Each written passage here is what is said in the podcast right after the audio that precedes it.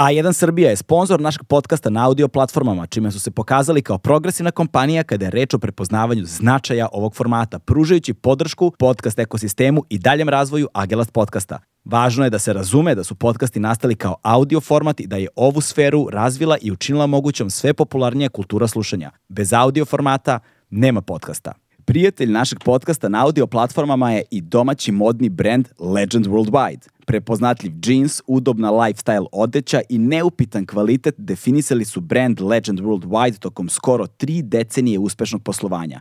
Be a legend, not a follower.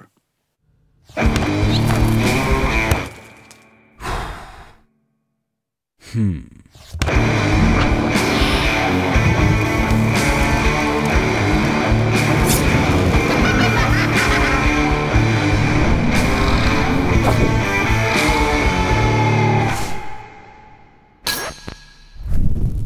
Naš gost je Nemanja, Voj, Nemanja Vojinović, reditelj i autor dokumentarnog filma Flašaroši, odnosno Bottleman koji je sada imao premijeru na Sarajevo Film Festivalu. A zašto to govorim? Zato što su Flašaroši grupa uh, radnika koji su do skoro na u Vinči sakupljali flaša i od toga živeli to je okosnica filma zapravo i sama deponija Vinča je okosnica koja ne samo da predstavlja ogroman problem u našem društvu, nego je druga nesanitarna deponija po veličini u Evropi. U top 10 najvećih nesanitarnih deponija na planeti. I ono što su pro, posledice takve deponije je nešto što iskušavamo, nešto što iz iskustva imamo svi mi u svakodnevnom životu, posebno u Beogradu, ali nešto čemu ceo region naravno veoma dobro zna. Ali ko su ljudi koji zapravo tamo borave svakoga dana? Je za tema dokumentarnog filma Flašaroši, a Nemanja je sa njima proveo sedam godina snimajućih, ali više o tome u razgovoru koji sledi. Gde si kućo? Gde si kućo? Šta radiš? Evo, A, evo, pričamo evo. o našem starom kraju, odnosno mom starom kraju, tvom trenutnom kraju. Da, da. Ali tu sam ja dve ulice, nisam se, da, nisam se daleko makao. Ostao si truparkić. Između ostalog. Trudim se koliko je moguće tamo u tojim oslovima. Ovaj, e, bio sam, sad sam došao sa, sad smo došli u trenutku barem kada ovo snimamo za ljude, skoro smo došli sa SFF-a, dakle Sarajevo Film Festivala, I zahvaljujući našim dragim prijateljima tamo imao sam priliku da vidim ovaj, Bottleman, dokumentarni film, odnosno gotivniji mi ipak naš naziv u ovom slučaju, Flašaroši.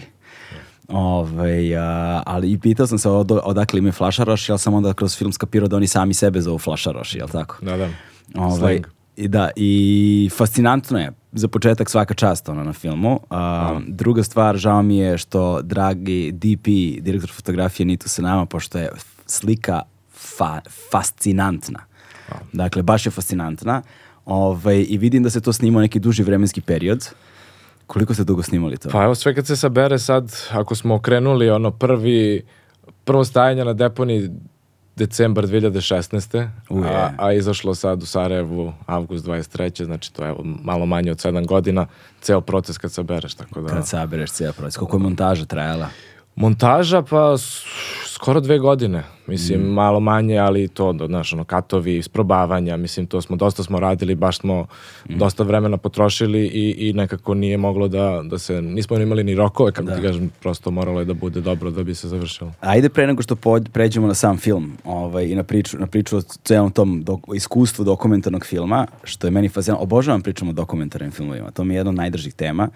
Ovaj, ali samo kada dođu festivali, uglavnom imam priliku da vidim mm. uh, nešto od tih dokumentarnih ostvarenja, pošto nekako nam ne živi inače taj svet dokumentarnog filma? Pa mislim to i kod na, sad ne znam kako je u svetu, mislim velika razlika je samo u televizijama zapravo. Mm, znači, da. Ka, uh, dokumentarni film, da, ćeš, vidjet ćeš ga na festivalima i to tako, i mislim, ja gledam tako dokumentarni da. film, osim ako nije neki ono VOD platforme ili nešto što si, ali opet deo industrije kao nešto, pa dobiješ skrinere da možda gledaš, da tako pratiš, ali festivali, televizije, mislim da svuda možda vidiš na TV-u, kod nas teško, mislim ti prosto nema. Ima, postoji do duše sad, ne znam šta se dešava, postoji neki kulturni slot na RTS-u, tipa četvrtkom uveče nešto i tu su poslednje dve godine su, možeš da vidiš domaći dokumentarni film mm. od uh, domaćih autora dok Srbije tu, puštaju se filmove, ali to je loše marketing, niko ne zna da se to dešava, tako da, da, da nažalost, festivali uglavnom. A zanimljivo je, znaš, zato što a, fenomenološki je zanimljivo, zato što a, tehnološ, tehnologija nam je toliko sve prisutna da sad svako bukvalno može ono mobilnim telefonom da snimi ozbiljan dokumentarni film. Može, da. I ti sad imaš mogućnosti više nego ikada pre da snimiš, a nekako tržište za dokumentarni film kao da ne postoji. To je sada, mislim, rasprava. Da li je, ovaj, mislim, to je verovatno bilo i pre ono kada je, kad se presnimalo na filmskoj traci, mm. manje ljudi imalo priliku da snima, onda se prešlo na video, onda je puno ljudi dobilo prilike da, da snima. Na digitalni video, misliš? Na, na, na, da DJ uopšte generalno da. i onda iz tog jel, uh, broja ljudi izašao je i kvalitet, sad je opet došao još do povećanja, jer sad stvarno ti uzmeš ove, mislim, postoji cela sada grana, kažem, ljudi koji snimaju stvarno filmove mobilnim telefonima. Mislim, postoje festivali koji da se puštaju filmovi snimljeni samo mobilnim telefonima, tako da i to sad postalo potpuno legit da se snima. Sad. Pa da, ali nije problem u tome što se snima kao, nego šta više, ne, čak, čak je i uh, kako bih rekao to, ne znam, filmski način razmišljanja postao opšte mesto zato što klinci ono od malih nogu kada prave rilove za društvene mreže razmišljaju montažerski, razmišljaju da. rediteljski kako će to da naprave. Pa razmišljaju marketinški pre svega. Izme, mislim, da, da. Ono,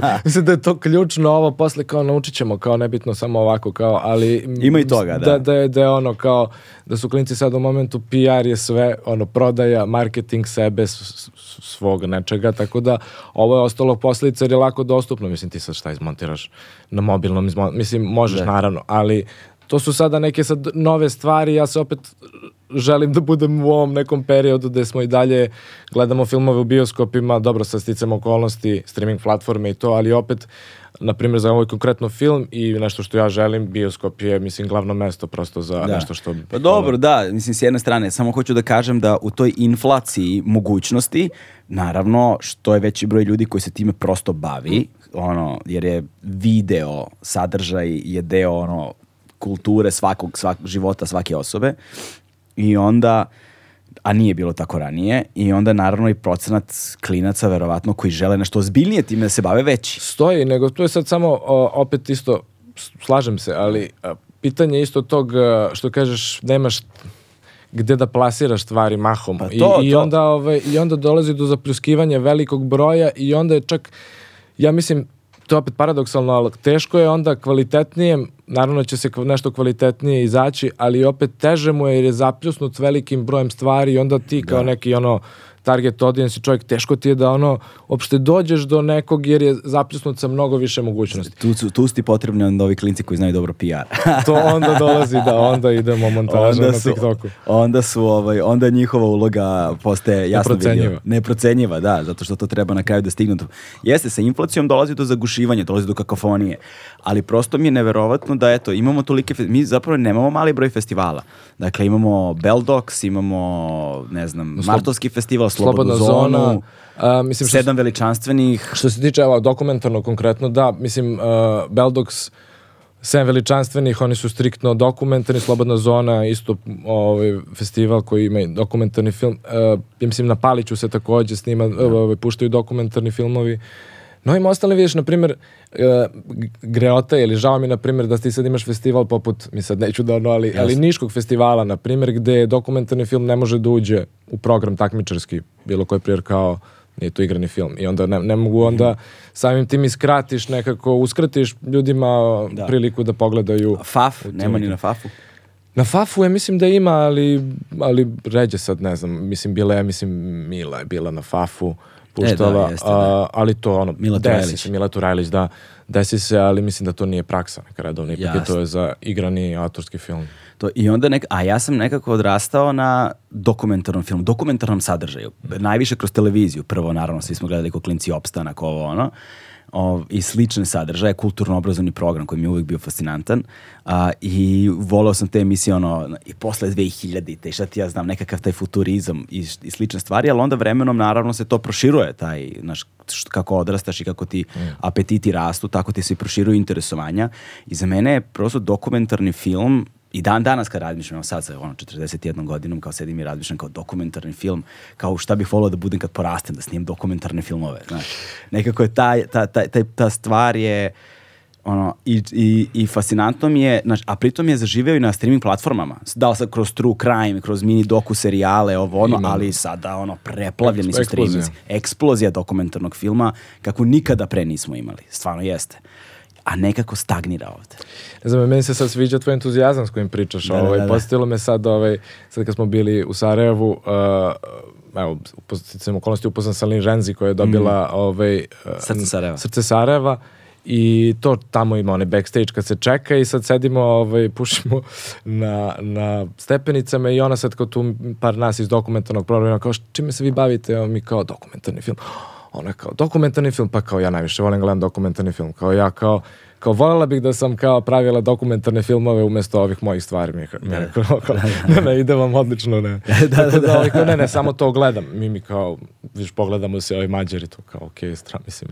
Tako da da, očigledno, ali da, nema, Fest, samo eto festivali, že- festivali, ali generalno sad evo tu smo pomenulo se baš i po tim nekim panelima i, i, i pričama to sad da li je da li ima kao, na primjer, imaš struju koja kaže kao, e, e, nemamo dovoljno dobrih filmova za ovaj broj festivala, dok opet imaš drugu struju koja kaže, e, ima, ima i dobrih filmova, ali nemate dovoljno festivala koji će to sve da, da, da, da iznesu, jer kao svi žele na ovih top ono, tri, četiri, Da, ono, da. na, a onda kao svi ostali budu tu malo u, u zapećku i onda se tu, a svi traže neke svetske premijere i onda je jako čudno sada da, da, da film stvarno za, nađe neku svoju početnu tačku. A jeste, da, ima i toga, to si u pravu potpuno, da. Svi bi da imaju premijeru na najjačim festivalima. A, ne, ne samo to, i kao naravno, pa dobro, to svi, svi bi želeli da imaju kao na prvo ideš na feste, svi vole ono, kapiram, svi su želeli da odu na crveni tepih kana, ono, tako da, Da, da, da, da, nema da. tu šta sigurno, ali mislim i na ove neke sad, kad gledaš u industriji, neki manji festivali, na primjer dokumentarnog filma, manji festivali, tipa ne znam, da- Jihlava u Češkoj, koji je, mislim, bitan češki festival, ali svi sad kao nekako se kao pomerila granica da i oni traže svi premijere i onda je jako teško da sad kao gde se odlučiti, gde, gde ono početi, gde startovati sa filmom, obzirom kakve sad tu stvari svi imaju i onda je samo stvarno pitanje da li je broj festivala odgovarajući za broj filmova ili ne, tako da to je jedna rasprava koju stvarno ne znam, ne znam Da, e sad, ajde da se mi vratimo na, da se mi fokusiramo malo na tebe i tvoje stvaralaštvo. Reci mi prvo ovaj, nešto o sebi. Dakle, ti si završio režiju, pretpostavljam. Ja sam završio, da, režiju na, na dramskim uh, kada? na, na 2012. 2000, uje, da, ima, 2012. ima, ima, ima, ima, go- ima godina. ima godina već tome. Ovaj, ja sam probao da nađem tvoj prvi, čini mi se, to prvi tvoj dokumentarni film. Las Distancias. Las Distancias, da. Jeste, to je moj uh, prvi dugometražni dokumentarni film. Pa to sam, to sam uradio posle, posle fakulteta, jer tad je bilo, tad 2012. kad smo mi ovaj, završavali fakultet, bila je ona neka priča, filmski centar je bio baš u Zapećku, bilo je ono nula dinara za kulturu, ministar, bilo je ono dve, dve, tri godine i mi sad kao snimili diplomski, izlazimo s faksa i kao šta sad, razumeš, ono, ne. I onda nisam, nekako nisam, prva stvar nisam želeo da ono provedem dve, tri, četiri, pet godine, ono pišem scenariju, idemo u kao igrani film, prosto kao mora da se radi, nekako sam imao ideju, moraš da kao da, da voziš, da budeš ono u, u, u, ovaj, u avionu i da voziš jer Da, je da. bitno, jer ako ispadneš onda je mnogo teško i vratiti se, pogotovo kad si početnik, teško i da uđeš, a kamoli da onda ispadneš i posle pet godina si drugačiji čovjek. Kad telefon prestane da zvoni pre nego što je i počeo da Ma zvoni. ne, ne počeo, znači izlaziš, ne znaš šta si, ja sam imao koliko, 20, ne znam, dve, tri godine. Tako da, uh, mislim, za ovo sa dokumentarnim je stvarno ispalo, da kažemo, slučajno.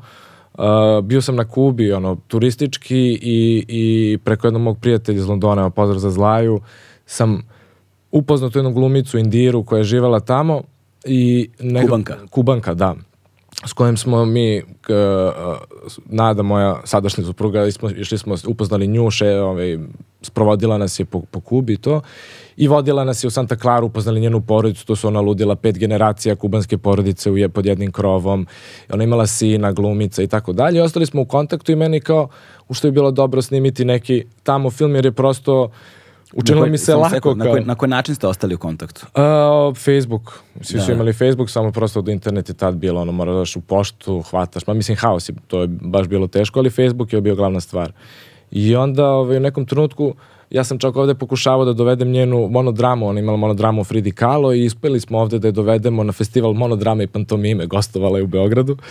I onda nešto sam mišljao kao da se napravi film, da se ode na Kubu i onda u jednom trenutku ona meni kaže, e, ja ima, pošto ima tada, tada je imala jedna 11-godišnja sina uh, u Santa Clari, kao, e, ja sam dobila opet priliku da sa ovom onom dramom odem u Meksiko i kao ja i moj partner kao planiramo da ono iz Meksika čuk, čuk, pređemo ono direkt kao u Ameriku i da se ne vratimo. Aha, znači kao imigranti. Da Kao imigranti sad ima, to ima specijalne statusi za Kubance, to ima ono, uh, kako ima i onaj zakon, neka fora vlažna noga, uh, suva noga. Um, kao kada, kada dođeš, uh, kao kako pristupaš, ako dođeš preko mora mogu da te vrate imigracijom, ali ako dođeš preko kopna kroz Meksiko, onda moraju da te puste, uslovno rečeno. Ima, ima baš, sad zaboravio sam reći ti posle, ono, setio se na španskom, kako se zove, a bukvalno je prevod to uh, mokra noga, suva noga. Da, u To- to- prevodu nekom da. grubom, okej, okej. Ovaj, I oni prelaze tamo i meni to kao čoveče, pa to je zapravo film, ne sad da idemo, mi da lutamo po Kubi i ono impresije imamo. I onda sam otišao na Kubu i snimao sam zapravo uh, život, snimao sam klinca, bio mi je Leandro, njen sin mi je bio akter, ali zapravo film je postao to, taj odnos između majke i sina na daljinu. On, on je bio uh, na Kubi, ostao sa svojim babama, tetkama, ujacima, ogromna porodica, a ona je otišla u Miami, ono, potrazi za američkim snom. I onda smo snimali, išao sam sa ekipom na Kubu, ono, mi smo, a to, znači, to je bio period gde zapravo, mislim, ja nisam ni znao sad kako, kako po- po- ono, funkcioniše industrija dokumentarnog filma. Mi smo izašli s faksa, ti imaš sad kao neki, imaš dokumentarni film kao predmet i to, ali nisi, Da. nema to, čuli smo jednom za pitching da postoji, ali ja sad kao marketi, kako se pičuje, ko produkcije, znaš, ne, nemam pojma šta je to. I, ovaj, i tek, ono mi se mislio, znaš, kao, idem da snimim film, kao sam trebao da snimim film, posle ćemo lako, znaš. Da, da, da. I, o, I bukvalno sam tako naivno otišao i ono, mi smo, uh, tražili smo, dobili smo Kickstarter, pare smo pravili kampanju za taj kubanski film, mi smo otišli i kao vodio sam ekipu, bilo je ono četvorica tamo, snimili film u Santa Clari na Kubi, međutim onda posle smo počeli da montiramo i kao fali nam Indira i kao ajmo da odemo u Ameriku, onda smo otišli na turističku vizu, snimili smo zapravo taj opet njen deo kako, šta sad rade kubanci u New Jerseyu i to ovaj, po Aha, znači, zimi. znači otišla iz Majamija za New York. Da, ona New je- Jersey. Mislim, svi odu prvo, to je njen put je isto fascinantan, to, to šta se sve, šta ti moraš kao da prođeš kroz uh, Guadalajaru tamo u blizu ono, granice gde ono, kaže, to su isto ludila. Uh, ali da, ona je posle otišla u Miami, ali kao to je sve, kao svi pričaju španski, dosadno je kao, ipak kao čule New Jersey je to i onda otišao u New Jersey, ono vidi sneg po prvi put, ono minus 10, ono, hladno, tako da su, onda zapravo film je to, bio je paralelne priče Santa Clara, Kuba i New Jersey i taj odnos na daljinu između majke. Da, i da, to, video sam to na početku kad kaže, odnosno u traileru kaže, ja sam majka na daljinu, čerka na daljinu, sestra na daljinu. Da, da. To je bio, tako da ovaj, to, je, to je bio ono, moj prvi film, bukvalno i, i škola. Škola dokumentarnog filma, sam sa tim zapravo prošao video i tek na kraju, kad smo već imali izmontiran film, jer smo bili pred kraj i ja tek onda prvi put tek odlazim na neki uh, festival uh, industrijski tipa to da li možda čak i Ihlavu koju sam pomenuo gde kao, gde, gde kao stvarno vidim to marketi, šta se, šta se dešava i kao Da, ali da, sam se ono, nisam trebao kao, znači ovako treba se radi zapravo i onda Al sad škola sa ovim smo krenuli onda regulare, ono. A1 je prvi prijatelj audio izdanja Agelast podcasta. Ali nema veze, znaš, bez obzira, to iskustvo samog snimanja dokumentarnog filma je priča za sebe. Način, način na koji, uh, uh, dakle, ne projektuješ ono što si ti zamislio, nego, nego, nego, nego pokušavaš da predstaviš ono što vidiš.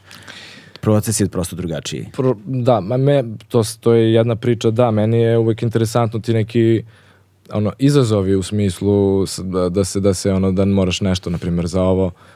Mi je, mislim, dobro, imao sam ja, Kuba mi se svidela i kao video sam tu isto veliki vizualni potencijal i to, i, ovaj, ali volao sam, primjer, on indire cela njena porodica, niko ne priča engleski, to je bilo isto kao, Da, da, da. i onda kao, ajde uči španski, kao da bi mogao da, da snimiš uopšte da bi to funkcionisalo i onda te neke stvari, Jesi li naučio španski? pa naučio sam, mogu, mogu se pohvalim da sam naučio da nekog e, stvarno nivoa, mislim nije to španski iz Španije, nego ovaj latino špansko je dosta jednostavniji i onda, pa da, mislim kad ti, bio sam čak i pre nego što smo stvarno snimali, otišao sam da kao deo, otišao sam sam bio da živim sa njima jedno mesec dana pre nego što sam ovaj, sa porodicom tamo, pre nego što sam uopšte posle došao sa ekipom i skupio te pare nešto preko Kickstartera. Uh, bio je haos ti ono u početku, prvo to, ja sam kao učio, ali, znaš, prvih nelju dana ništa i onda samo se otključaju stvari. Onda sam došao do nekog nivoa da sam stvarno mogao, posle sam vodio to, bilo se četvorica, ono, nisam imao prevodioca, vodiča i to, tako da sam na kraju ono, do Da. nekog ovaj, pristojnog nivoa. Ka- I kako je bilo iskustvo života na Kubi sa njima? Ka- koliko si dugo bio tamo?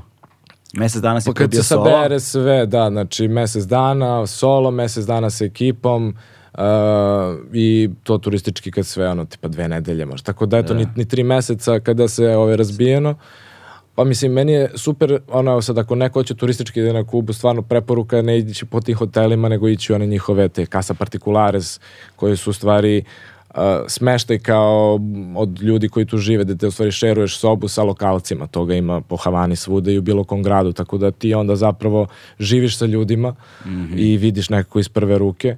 Mislim, meni je bilo interesantno, pomerili smo se bili od Havane, Havana je ono ludilo i priča za sebe, ceo film je smešten u Santa Claru, to je jedan mali gra, ono, gradić u, u, u centralnom delu, on je poznat po tome što je navodno Čeova grobnica, mauzolej Čeov je uh, u Santa Clari, tu se završila, ja mislim, revolucija, da je tu, da je tu ovaj, poslednja bitka bila, nakon čega je ono, Castro preuzeo vlast.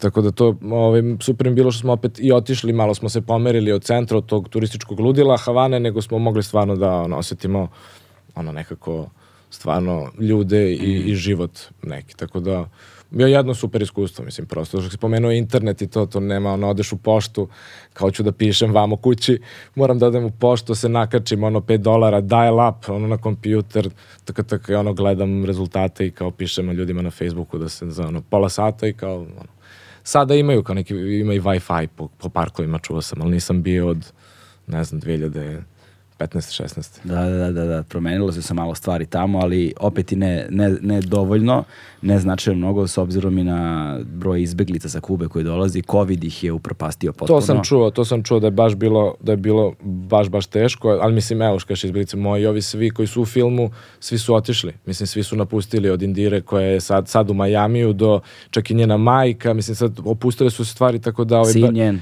Svi su otišli, Sinjen se posle određenog vremena vratio, to jest ne vratio, nego je dobio te papire da može da, da, da ode. On je isto u Majamiju. Njen brat od ujaka koji je u filmu, inače Julio, živi ovde u Beogradu, koji je... Ovaj, da, to je, ovaj, to je bio show tek, ovaj, ne znam da li smijem da pričam te stvari, ono, za, kad, to, ono, migranti kad je bilo EU i to, tako da je bilo mi, pored kad su bili migranti, kad su prelazili, bilo je dosta kubanaca koji su zajedno dolazili ovde iz nekako preko Rusije kod nas i onda su pokušavali isto migratskim ovim rutama u, u Mađarsku i kao samo EU i onda mislim. Tako da, da, i Julio je tu, tako da svi su se rasuli, ostala je bukvalno jedna, jedna baba sama od 90 godina koja sad je ono, gospodarica kuće tamo i... Ili je nažalost, usamljena, znaš. Mislim, da, na, nikako nisam mislio da, usamljena je sigurno jer su svi su raz, svi su to Miami. Ono. Ali opet, da, ali opet su otišli barem odande za, ono, u potrazi za svojim mestom pod suncem i za nekim, ono... Pa mislim možda da, kao, sad kao što ste ima ljudi kao ma oni beže, to mislim ludilo je da ti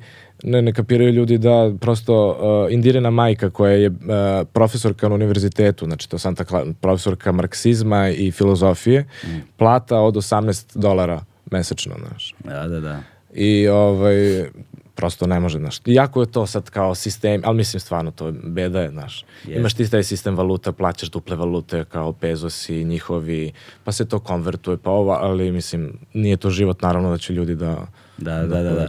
Sve jasno, sve jasno. Da, oni mogu zapravo, da, je, je sad uveden vizni režim Kubancima, nisam siguran, pošto znam da su Nešto oni mogli putuju za Rusiju i za Srbiju bez viza svoje vremeno. Mislim da je sad bio problem, od skoro. Da, da, da, ne, nisam, nisam ispratio, tako da ne bih da Znam, grešim. znam da je bio, zato što, evo, uh, znam konkretno, ljudi su došli, uh, ali to je opet bilo to pre par godina.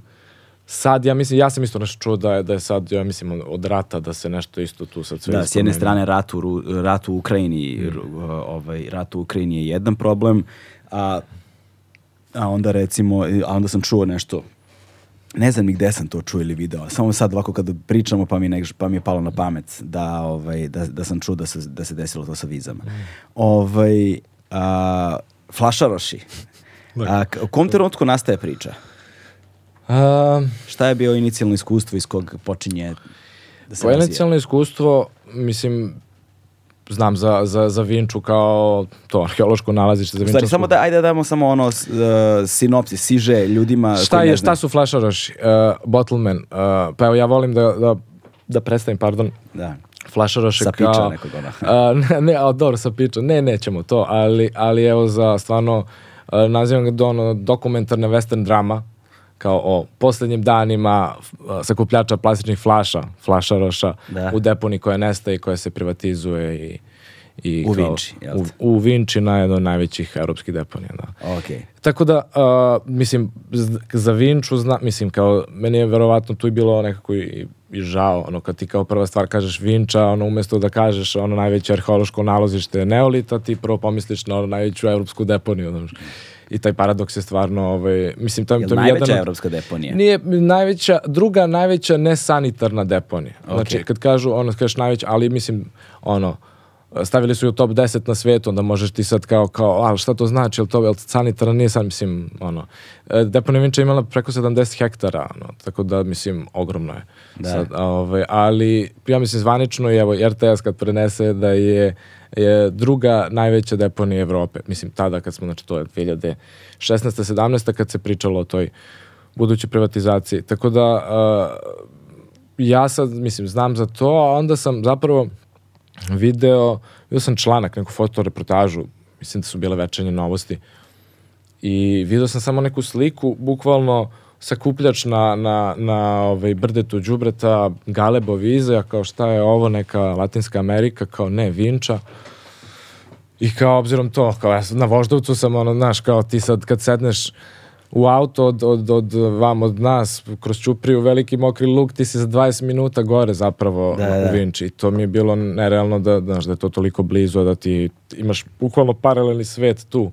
Da. Ono, ne baš u komšiluku. ali tu je za koji ono se ne zna ništa. Tako da sam onda da, me, mislim ja sam prvo kao imao sam ovaj last distancija što sam pominjao što smo pričali, sam isto snimao sam par godina bio, znači to, to je trajalo. Onda sam kao, teo sam, sad ću da snimim film koji ću ono kao, ne brzo, ali sad da, da ono kao, teo sam da skratim kao period snimanja i kao sa, sa deponijom sam teo da bukvalno napravim kao neki e, kažeš neki ono art house esej, uh, vizualne impresije kao o, o, o deponiji, kritika konzumerizma, nešto kao da bude lejeri, prošlost, uh, vinča, sadašnjost, gde je to sad cela plastika, bottleman i to, a kao budućnost šta će ostati, da li ono, bila je kao ideja da šta će ostati za nas, da li će kao za hiljadu godina ako neko nas nađe, da li ćemo mi biti ono civilizacija plastike kao znaš, i onda to kao film Homo plasticus, znaš ti, kao da bude više eseistički, znaš.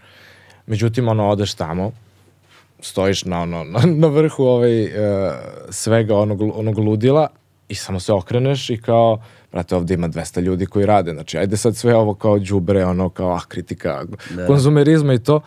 Okreneš se, vidiš 200 ljudi koji ono kao neki haos, ali opet posle vidiš da tu ima sistema i sve, ali haos neki dve, ljudi koji rade i kao meni se to potpuno, ovaj, ja sam time bio oduševljen, onda prosto kao, ok, Da. ovo je film, a ne, mislim, i ovo je film, samo nekako nije prst u oko, ni u prvom planu, nego kao ovo je film ljudi koji su tu, taj ono nevidljivi A svet. ti si samo sam otišao i stao tamo.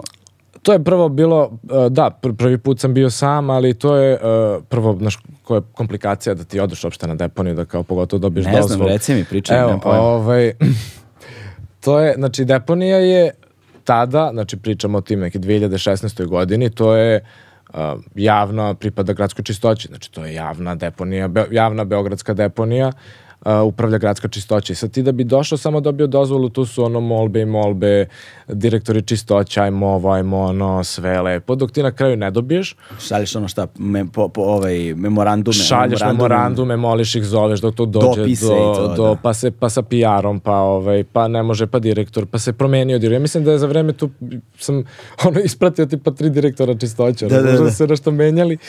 I ovaj e, prvo to, ajde i sad kao daju ti neki probni nešto, kao ajde, Mm. možeš da uđeš. Mislim čuva se kao deponija se ta čuvala kao bukvalno Narodna banka, ono zlatne poluge, znaš. I ti sad kada se ideš putem, ono, ne znam, za ljude koji ne znaju, mislim, kada ti, ono, kreneš od, ne znam, gore vrh Ustaničke i bulevara, ti odatle kad kreneš vamo dole e, bulevarom, to se jednom pretopi u Sm- Smederevac i malo tu odmah ti skreneš i ti si u stvari, čak i pre Vinče ti, u stvari to je zapravo Kaluđerica gore, ti skreneš i dolaziš ovako do jedne velike rampe, ono, kuća čuvar i ti se tu moraš da staneš, dobar dan, dobar dan svaki put, ono, znači, moja molba sa svim tim stvarima je stajala kod čuvara, ono, tipa godinama.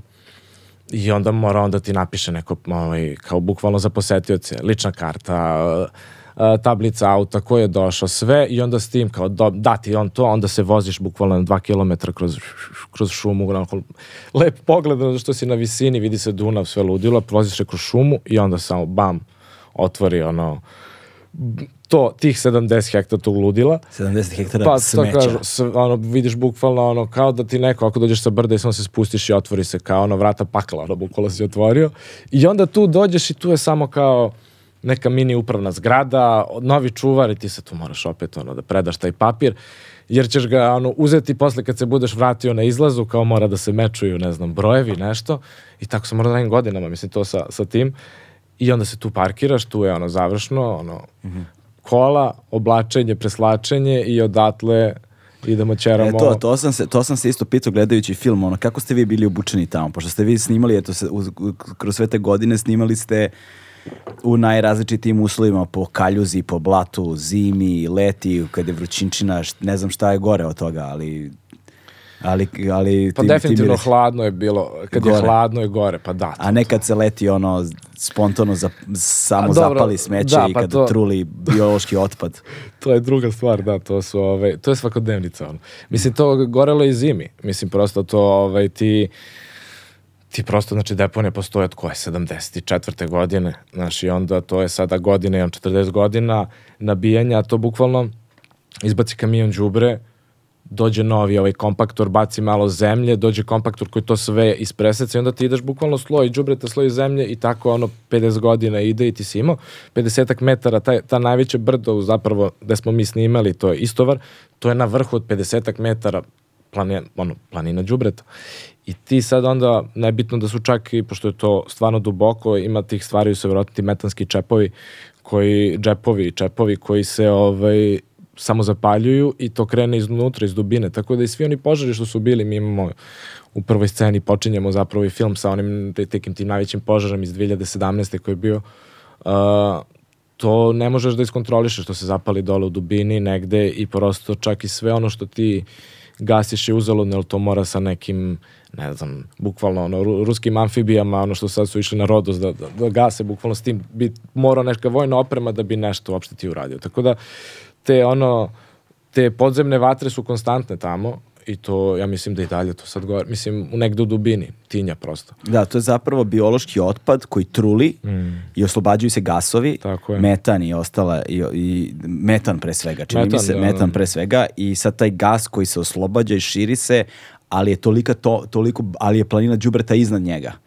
I onda on nema gde da ode, onda To se je, širi. pritisak je veliki, kažem ti, godinama slagani slojevi Da, i i, onda... što je veći pritisak, veća je temperatura i u trenutku se to spontano zapali i eksplodira ili kako to bude. Oni si Pa to prisustvovao je- početku nekog požara.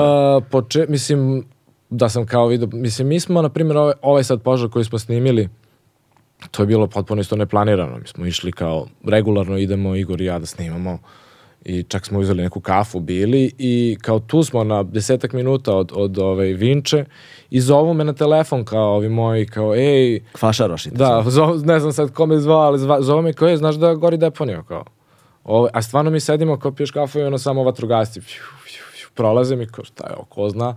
I ovaj kao je gori deponija, mi kao ok, kao brzo vidiš i onda u stvari smo videli to, ali e, jedno 5-6 puta da sam ja ono, bio tu da sam video, ono, zapali se. Nikada u stvari nije bilo tako veliko kao tad, jer tad je bukvalno se desilo to da je da si imao rascep koji je na nivou ono, vulkanski, bukvalno ono, šta je ovo, uh, klisura se napravila ako prolaz, to, to mislim, ludilo, ali bili su i manji, taj je bio ono... Da, neki to je jedina stvar koja mi je tu, recimo, jako je lepo slikano, to sad, da, da, da se ponavljam se, ali bez obzira, moram da naglasim, ne, ne mogu dovoljno da naglasim, zaista je, posebno što sam video više dokumentarnih filmova u okviru festivala i onda imaš, i onda imaš i neku referentnu vrednost u odnosu na koju meriš.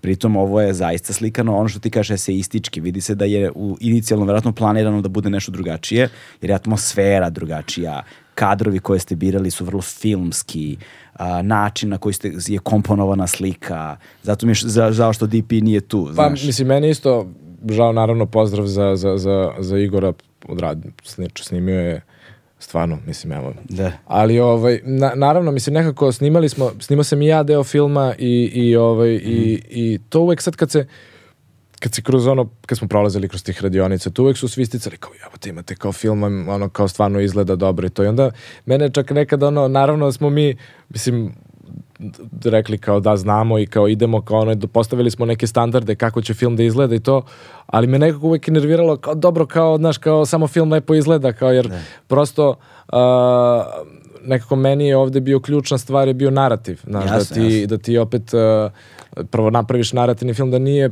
prosto samo Mislim, možda ovo, ovo se i vodi kao neki observacioni film, cinema verite, što zovu kao fly on the wall, ali prosto nekako sam želeo opet da idemo i dublje, u smislu i da zagrebeš ispod i, i likovi malo da budu, da, prosto da ih prikažeš da nije samo puka observacija, vizualna, vizualni pristup i to tako da tu zapravo velika je muka izmontirati dokumentarni film, to da, ti sad sve, da, da ti... Koliko sati materijala Apsolutno, pa i to, ali, ali i sama ta činjenica da ti sad treba to da struktuiraš, struktuiraš adekvatno, da, da prosto postaviš neke stvari stilski, da artikulišeš stvari, da to funkcioniše i onda stvari dobijaju smisao i to onda staje na svoje mesto. Jer, na primjer, evo sad, uh, Igor, mislim, to pričali smo, zna, isto sl- složili smo se, ali kad imaš, na primjer, uh, dobro snimljen film, ono, a, a loše ga izmontiraš, to je ono, realno lo, bude Loš loš, film, možda u najboljem ono slučaju neka solida, razumeš, ali bude ono, ili, ili na primjer kad te pitaju kakav je film, ti kažeš pa, da,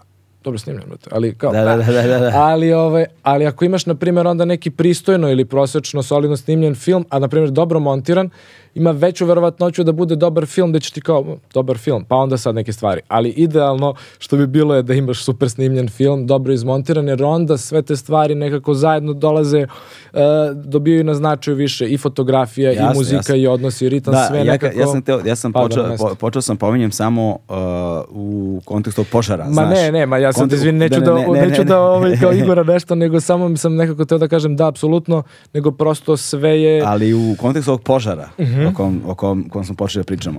A, jer je- slikano je tako da je zapravo uglavnom su krupnjaci. Mhm.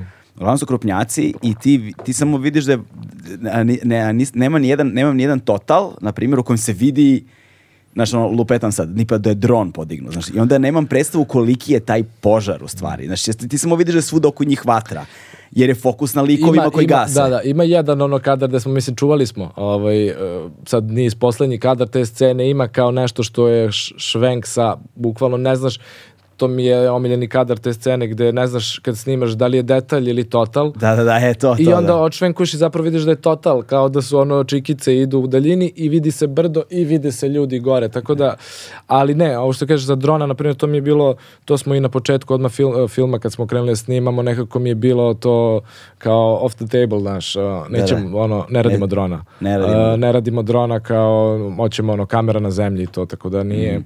naravno ti sad kao, kao da ali kažem ti, mi smo isto bili iznenađeni, znaš, mi smo kao, potoče, mislim, prosto prvo šta smo se, čega smo se nadisali tog dana, ne smijem ni da zamislim, jer kao koje maske, kako, mislim, znaš, to, nisi to zna- to je to je pre stvar- korona perioda, znaš, nisi da kao kakva maska, kao deponija, ok, ti se čuvaš, nije to sad, mislim, čuvaš, ne, ne, ono, nisi stalno pored kamiona, ulaziš i izlaziš, pomeraš se, ali ovo je bilo kao nekako ok, prosto smo samo ušli u to, mislim, prosto jeste, smo se spustili dole, ono, Igor je išao za ljudima isto, spuštali smo se dole, skroz na dno sa, ono, mislim, treba bukvalno free climbing, ono, odraditi po đubreta, bi se spustio dole, snimio ove neke stvari i tek posle kad smo gledali kao, au, kao, Gde smo mi bili? da, šta je, šta je ovo bilo Da, danas, koli- a tad je bio adrenalin kao daj, ono... Koliko je teško kretati se kroz to đubre i tamo? Mislim, e, znaš, kakav, kakvo je iskustvo to je, fizički? To je, fizički je, mislim, sad to mi smo imali uvek, imali smo ono kao cipele, kao to S3 zaštitna obuća, kao, znaš, kao... Um, Ne znam šta je S3. S3, pa to znaju građevinci, ovi svi koji rade po, po gradilištima, imaš te kao zaštitnu obuću koju kao nosiš, gde eh, S1, S2, S3, koji je u stvari to valjda nivo debljine, džona i šta sve ima, ono, plastika, da možeš da zgaziš na ekser, da možeš te neke stvari. Aha, jasno. Tako da to su stvari samo ništa posebno, ono šljakerske cipele gde možda gaziš po ekserima zapravo, Da, da, da. jer je to bilo bitno jer kao ti gaziš po ko zna čemu, mislim, znaš, ludilo je, ali sve je tako mekano. Znaš. Mhm, da, da, da, da, da. Kao gaziš, mislim, bolje, bolje kad je tako, kada, kažem, kad, je, kad su kiše, tad je u stvari najgore, ja sam rekao najgore kad je zima, ali kad je kiša, tad je najgore, ali to pa onda budu stvarno, ja sam upao ono, do, do, do kolena bio, zgaziš, pomašiš baru, mislim, odeš u, onda bacaj, mislim, ono, baš je bilo, Uh, mada ono, znaš, kao prvo, ne, prvo što se kažu ljudi, kao, kako mirisi to. Ne smrdi toliko koliko bi zapravo ti sad kao kažeš, kao Očekivao. ja miris očekivao, naravno što se bliže o, kao centru dešavanja, to je gora stvar, ali to je toliko veliko, veliki su prostori, to znači jedan deo je isto gde su kamioni, drugi deo je gde su ove baze, gde su moji likovi, gde ostavljaju flaše, mislim to su ono 100 metara dalje, 50 metara, znači ima to da se pređe neki put, tako da nismo mi baš to pored kamiona bili Jasno. sve vreme. Jasno, jasno, jasno, jasno. I ovaj, e sad, znaš, on- ali to su sve stvari negde koje se ti zapitaš, jeste kao, znaš, kako izgleda sad stvar tamo na terenu, kako izgleda sad i to iskustvo snimanja, jer vi ste ipak tamo išli sedam godina. Pa to je... Koliko, to, koliko, ste, koliko ste učestalo tamo išli? Pa u početku smo išli dosta, mislim, a, bukvalno, sad kad kažeš ti sad sedam godina, da, ali ako to krenulo se to prvi put decembar 16. i onda je 17. 18. Mislim možda čak i 2019. je to bilo intenzivnije u smislu da smo ono, do, da se dosta snimalo te tri godine, posle se već ono ta 19. je već bilo polako, onda sam više sam odlazio kod Janike e, po stanovima i kući, jer kao deponija je bila repetitivna i ništa se nije događalo. Ali te prve, recimo, tri godine smo intenzivno išli. Pa sad sve zavisi, jer prosto um, kada kao, mislim, meni je stvarno bilo bitno da mi budemo blizu ljudi i da, Da. prosto, da si tu, da, ovaj, a sad, ako hoćeš da budeš tu i da da te likovi ne primećuju i da tebi kao gledalcu bude kao to sve kao, kao ne pod kamera, to stvarno zahteva vreme. Da, Je, da, to, ovaj, to. to, to, tako da vreme u smislu ono, i ne snimanja, dosta, dosta i ne snimanja, prosto samo sediš, pričamo. Sedim s njima, ono, idem na žurke, kao sedim kući, kod kuće, uh, na, na, na, na tamo radiš. Mislim, prosto uh, dosta moraš i da to provedeš dosta vremena u smislu, glavna stvar je meni tu bila da se vraćaš, znaš, jer oni te vide jednom i kao, a, neki novinar, znaš, došao kao što se ono dođe jednom i odu ljudi. Ali ako se ti vraćaš stalno, vraćaš se opet, i oni svi kao, kao "Pa to je neki ludak, ono, stalno tu i ti sad posle par meseci znaš kao, e, kao znam, znam ljude, znam imena, kao s kim pričaš i to je nekako te prihvate i prosto, uh, evo, mi smo, sećam se da smo uh, slikali, znaš koliko fotografija, kao što ima one portrete na kraju, Da, da. mi smo kao slikali, ja ne znam, hiljade fotografija, mi se sad ono, gde kao, e, možda slikaš kao mi, ovo, ono, super su mi ti portreti na kraju zato što deluje kao da ćeš da ih fotografiš, a stvari ih snimaš.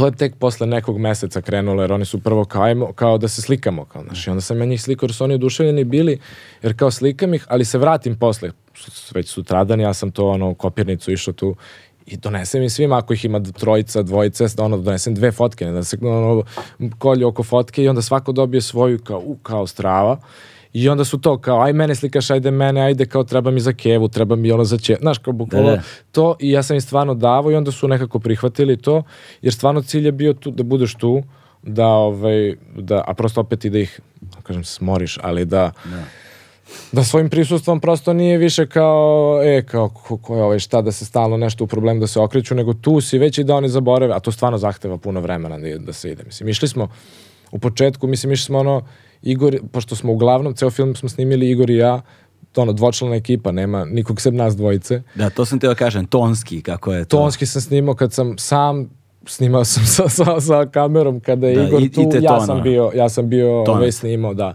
Ton, to je bila dobro muka, jurio sam, pošto je deponija najbučnije mesto na svetu, kamioni, pokušavao sam i sa bubicama, nekad hoće, to je bilo priprema od ono šest mjeseci da navikneš Janiku da mu staviš bubicu, da on sad hoće da, da, da ima, znaš, da, da se ne plaši, da, da se ne plaši šta će da kaže nekom, jer ono, ko zna šta misli, šta ćemo mi sad tu da stavimo.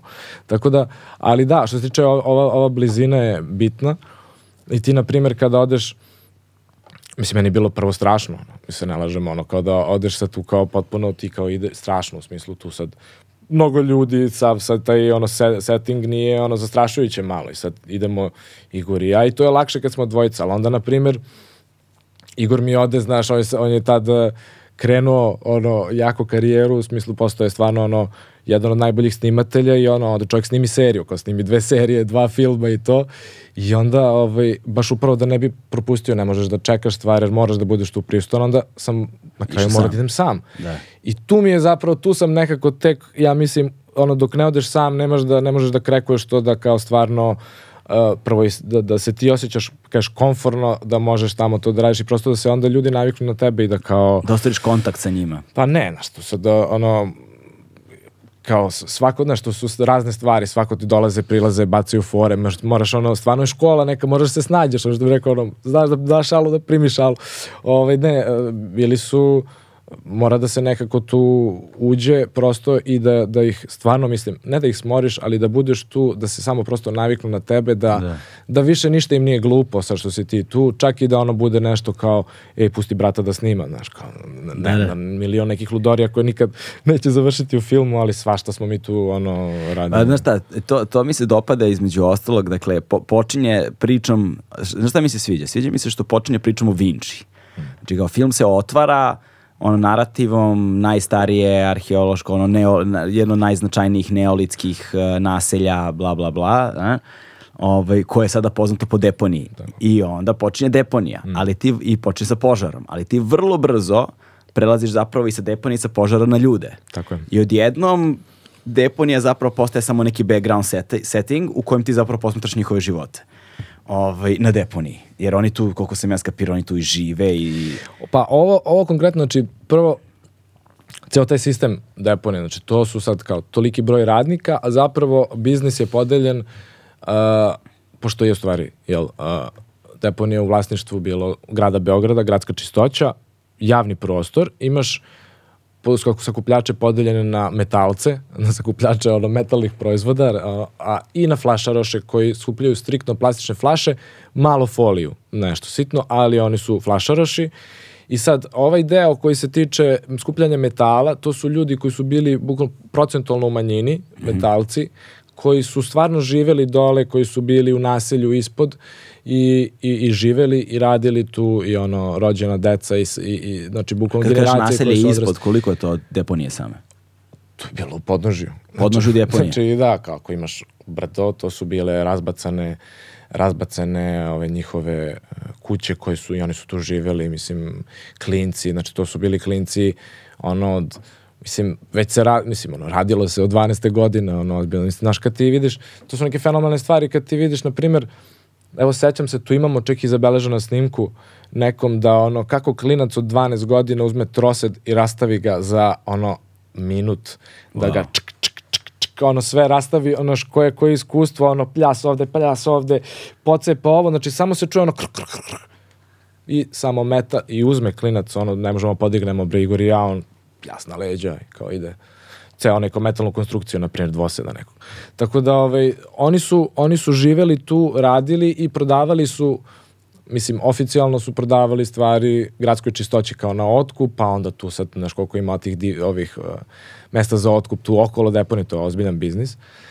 A onda s druge strane imaš uh, moje junake flašaroše koji se bave striktno, znači striktno plastič, plastikom, plastične flaše i to je privatan biznis u sklopu kao uh, uh, deponije jer to drže neki privatni ljudi. Ali super mi je što si ti zapravo ukačio tele, delove telefonskog razgovora i čuje se sve vreme ove nije neboj, kako se N? Nežo. Neđo. Neđo, Neđo, da, Neđo se neki, sve vreme čovjek ga nikad ne vidimo. Znaš, on je neki glas, ono, To je, to je zato što prosto, prosto, znaš, sad da ne, da ne ulazimo da, koliko su ti ljudi koji drže zapravo taj biznis sad, ko su i šta su, prosto nisam hteo da, Jasno, da se jasno. opšte ulazimo to kamoli. Neke stvari smo morali presnimimo iz glasa, prosto jer nisam hteo da moram neđi da se obraćam za bilo kakvu Saglasnost. dozvolu, saglasnost da koristimo njegove stvari, jer to su ono, ne bi Brate, nikad ne bi dobio znaš, saglasnost. da. Ne, ma ne bi, onda prosto neću ni to, nego smo, ono, ali bitno je jer je to stvarno tu sam želeo da, da se prikaže, jer flašaroši imaju posao, ima,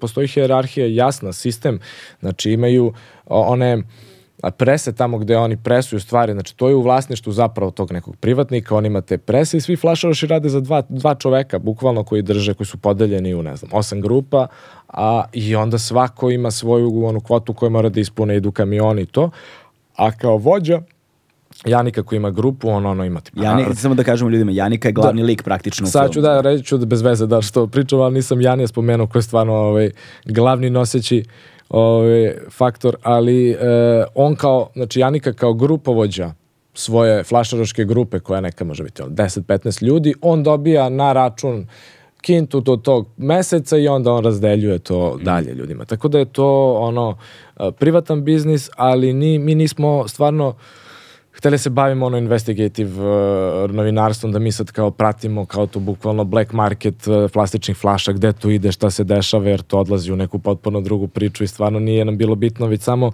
smo stvarno nekako hteli da prikažemo sad sistem, kao šta se tu dešava sad kad ti kao šta rade ti flašaši, pa rade ovo, rade ono, da, da, da nekako imaš u glavi da je to posao koji je to, ono, nije od 9 do 5, ali je posao i plus super stvar mi je bila jer oni nisu živeli tu, oni su prosto dođu rade, imaju vreme, onaj kombi, znači oni svi smeštaj koji se vidio da oni žive, to su sve razbacane kuće, neki privatni smeštaj duž Smederevca, znači da li je to dole Kaluđerica, Vinča, Leštenburg dole, znači... Aha, aha, aha, aha. te- Da, ja sam, ja sam samo nekako uh, u ono vremenu i mestu filma doživeo da je zapravo to sve nekako u istom sklopu, takav je utisak se stiče. Da, to, pa mi smo zato i Je to pisali... bio nameran utisak ili... Ne, pa ima, ja mislim, prvo u, u, baš na početku filma, kada prvi put pokažemo kuću, imamo, imamo dosta grafike u filmu, ali tu smo pisali tipa da piše kao Vinča, uh, uh, ono, suburban area i da ima od 800 metara od deponije. Jer kao bilo kao, oni odlaze kući jer prosto ima taj moment stalno kao vraćanja, dolaska, Dolaska, da. svo, ovaj, i kao to i njihove blejete, kao bukvalno to je kao ono 10 likova, 15 likova u jednom stanu, to ti je ono kasarna, razumeš, ovu program.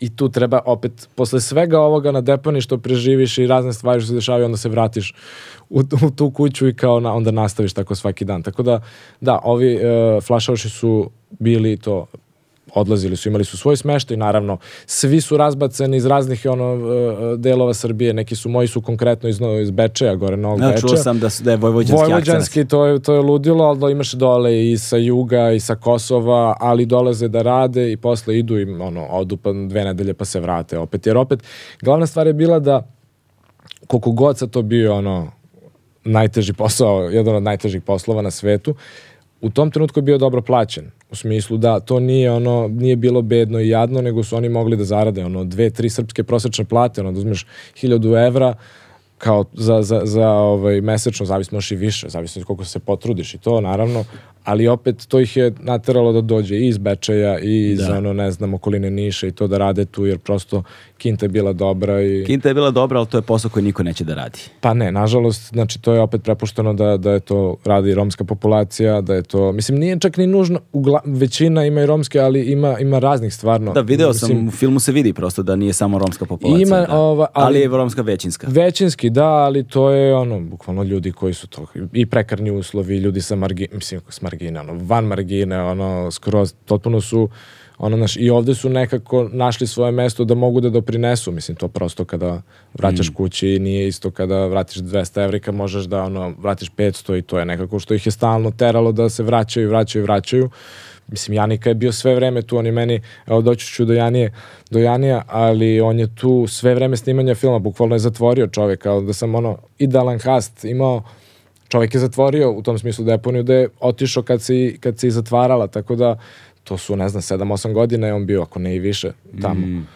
A da, Jani kao glavni lik, mislim, volao bi da, da, da ljudi vidjet ćete film, pa ali E, da, Jani ti, izvini, pre- da te peknem samo pitanje, hoće li film imati neku distribuciju van ove, ovog festivalskog života? to je evo sad mislim moja ideja i želja da, da bude to je bi stvarno voleo da zapravo mislim da bi da probamo stvarno da, da, bioskop, da imamo bioskopsku distribuciju da prosto mislim da je značajno da ljudi u Beogradu vide to a opet mnogo je značajno da se vidi na, na, na velikom platnu da ne bude samo naš kao da ono, pustiš na RTS-u jednom i kao kuvati uvati nego da probamo da imamo, što će opet, vidjet ćemo sada, zavisnosti prvo, nemam još, nažalost, vrlo, vrlo se brzo ovo desilo sve ove intervju, tako da nisam stigao još ni da nismo se dogovorili oko domaće premijere, pa nemam da podelim ovaj, informacije što se toga tiče, ali to ćemo, ono, obavestit ćemo, ali da, mislim, bit će domaće premijere i nakon toga moja lična ideja i želja je da probamo sa bioskopskom distribucijom, jer da ljudi to mogu, da mogu barem da imaju neki prostor i neko vreme da, da pogledaju, a to, to nije samo ono kao jedna, dve večeri ono,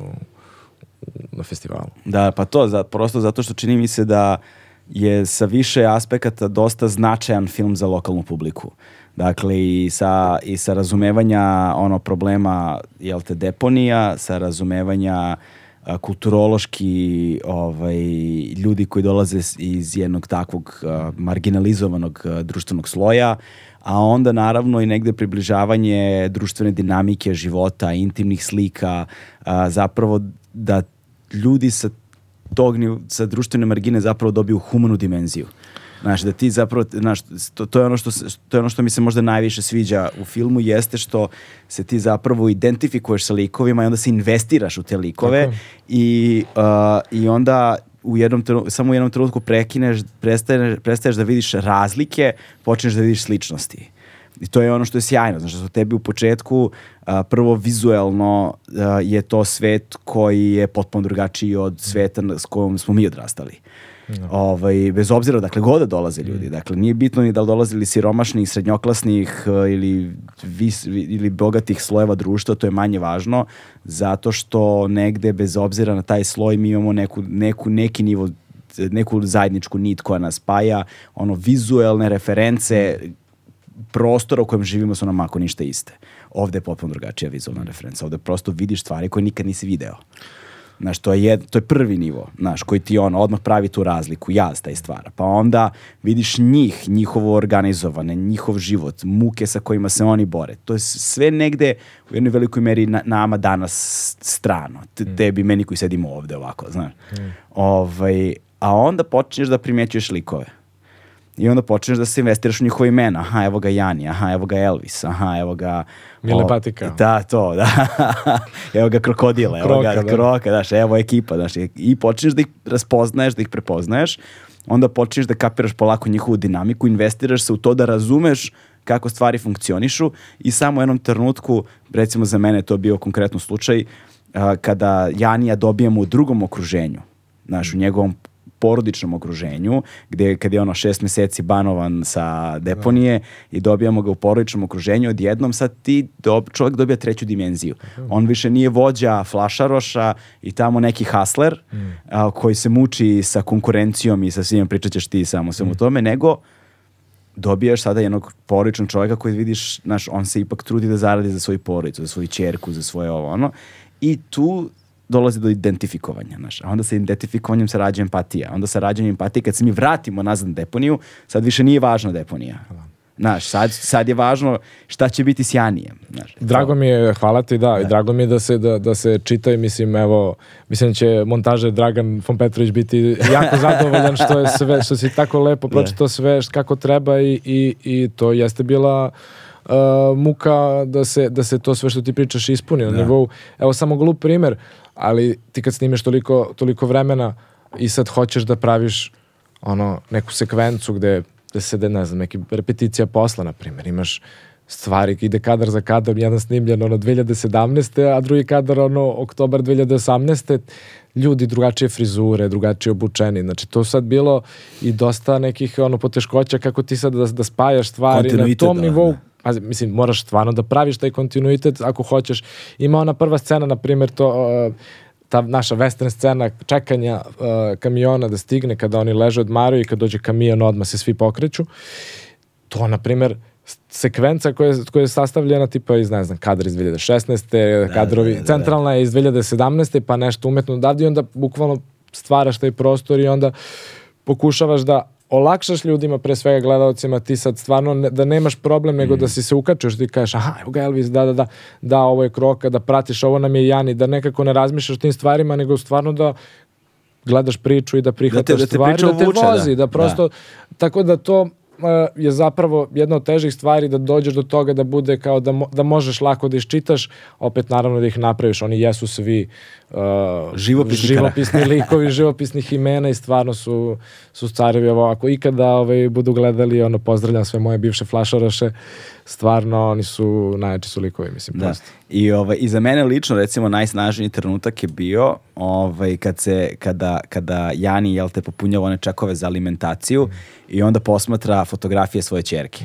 E, to mi je bio trenutak onako, znaš, ti zapravo mislim da u tom, barem iz mog iskustva tako bilo, ti zapravo u tom trenutku potpuno dobiješ dimenziju, on više čak nije ni Jani, on je univerzalna, ono, prototip oca, znaš, Koji koji brine za svoje dete, znaš, i kao, koji on ulazi u onaj jadni telefon, razumeš, da gleda one fotografije, kako on lista one fotografije, tako meni ono pada mrak na oči, razumeš, to je, Pa to, to je, mislim, pravljeno je tako da prosto s početka da ti, kada krene film, ti se nalaziš u nekom, ajde da kažeš, ono, o, ultimativnom, a, M kao danu u Vinči, znači gori požar veliki, to je ono neki pik, Da, kažeš, bottleman civilizacije uh, koje se dešava tad i kao ti nalećeš i u- upoznaješ Flašovaš, upoznaješ njihove probleme i sve. I kako vreme od, pro- ovaj, odlazi, Deponija se takođe menja, mi imamo kroz film informacije to da se deponija se privatizuje, treba da se zatvori, treba da se modernizuje to, što znači za, konkretno za naše likove,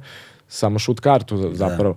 I, I kroz ovaj, film se deponija, ne znam, mislim da se to i vidi donekle, se deponija čak i smanjuje, da se ono prosto u gabaritu da ide sve manje i manje, dok na kraju u trećem delu oni su skranuti na neku ono, ma- mali neki istovar, ali to više nije ni bitno na taj način jer je Janika dovoljno ovaj, već se ispratio ceo njegov u stvari ono rise and fall of Bottlemer kao Janike koji je bio to grupovođa pa ide dole pa mislim možemo i konkretnije o tome ali na kraju da što ti kažeš vežeš se za čoveka i nekako Da. zatvoriš da, da. Da, da, da. Da, to je, da, Janika je u tom, u tom smislu Janika i onda, i, on, i super mi je, dakle, film je podeljen u tom, film je podeljen na segmente, o, gde ti onako parcijalno, dakle, upoznaješ prvo njega kao vođu, pa onda upoznaješ njegovu ekipu, ali ono što je, uh, šta su pored, jel te, svih tih fascinantnih, divnih i lepih kadrova, ono što su takođe snažne scene, malo pre što si rekao, dakle, to kada, kada taj kon, princip snimanja kad se muva na zidu. Dakle, kada se stvarnost odvija a, samo u, u, ovaj, a, u, u objektivu, gde objektiv neometano ovaj, ne utiče zapravo na, na stvarnost. Da, je lju- da je stvarnost deluje kao da kamera nije tu. E, to je ono što taj, i što si rekao što zahteva mnogo vremena da bi, se, da bi se to dobilo. Malo iskustva sa tim stvarima imam, prosto kad odeš u neku dru, dru, drugačiju kulturu sa velikim D, ti ono što je nama, meni pomagalo uvek je sad imam fiksera za početak. Pa kao, ko je ti je taj fikser?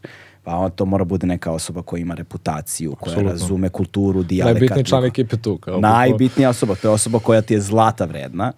Ovaj, I onda kada te fikser uvede, prva stvar koja mora da se desi, mora da se kreira taj most poverenja. Dakle, tebi ljudi moraju počnu da veruju. Ovaj, I kad god su me pitali kako se snimi ovo, kako se snimi ono, ili kada pitaju kao ovo je sigurno su glumci odradili ili ne znam šta, onda ti kažeš ljudima, ali ja kažem ljudima uvijek istu stvar. Nemojte nikada da potcenite ljudsku potrebu da ispričaju svoju priču. To je najvažnije. I- Apsolutno, apsolutno se slažem. i onda dobiješ te scene ovaj, njihove bleje.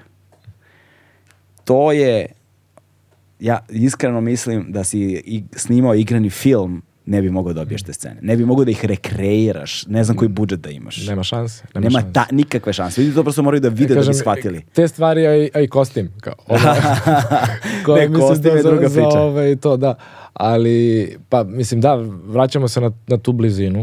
Mm. Prosto, užasno puno vremena i, i nebitno da li sam ja tu, da li smo nas dvojica zajedno, uh, Igor i ja, da li, da li da, prosto ti kad si tu, ono, ti si nekom tu pored lica i kao snimaš ga, nisu, nije misli ljudi, a to je kao prirodno, ono, nije prirodno nikom da mu stoji kamera ovde sada ti kao, ajde radi, kao mi ne postojimo. Kamera nije tu, kao Pravi se da kamera Pravi se nije da tu. kamera nije tu, on kao, ok, kao, ove, ali stvarno, posle određenog vremena možeš, mislim, naravno, znaš, kada ti ne pominjem koliko je tu bilo bačanih stvari, mislim, koliko ti imaš kao snimamo nešto i samo ti uleti neku, utr, bukvalno utrči u kadar i počne ti peva Jelnu Karleušu nešto, ili kao stani ispred objektiva i nešto, i mislim, e, do, ne, ono Jani koji trebalo mi je, pa ne kažem godinama, ali mesecima da dođemo do toga da ono, e, Jani nemoj da pričamo sad, jer on, ono ima i potrebu da mi kao neke stvari, da se okrene da mi prokomentariš, znaš, ili, ili okrene se i govoru, a šta ti misliš o ovome? Znaš, kad mu je, kad dođe trenutak kad mu je neprijatno, kad ono dođeš, ono, do, dođeš do nekog limita kad si mu tu,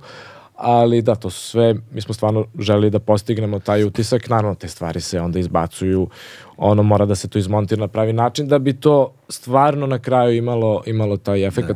ali prosto sve zavisi kako te ono prime, taj most poverenja se gradi stvarno, mislim ja sam, ovo sa slikama to mi je bilo samo kao nešto gde, gde oni zapravo vide da sam ozbiljan u smislu da ću da se vratim i da neću kao ono, bio sam nešto snimio i nema me, nego prosto sam i njih smorio kao jebote opet ti, znaš. Da. Ali, ali, na primjer, interesantna stvar bi bila, na primjer, da a, pošto sam u tom nekom periodu radio dosta spotova tad bio i ono i za rastu i to. I sad kao Rastini, spoto, rastini spotovi su bili tad užasno gledani, svi ovi moji flašoroši su kao gledali te spotove i kao pevali ono hašiš iz baroka i ne znaš te stvari neke I ima u nekom spotu se ja vidim nešto u, kadru i to je bilo onda kao je, celebrity za, za, za, za to kao i onda svi ti klinci, na primjer to kad kaže kad dođe neki klinac od 12 godina, 13 metalac koji je ono zveri, kako vidio sam u rastvenom spotu kao svaka čast. I onda te puste kao ovaj, onda kao može snimati. Ima, ima, imaš kredibilitet. I još, još te kao, ma to je ovaj, onda znaš kao krenu,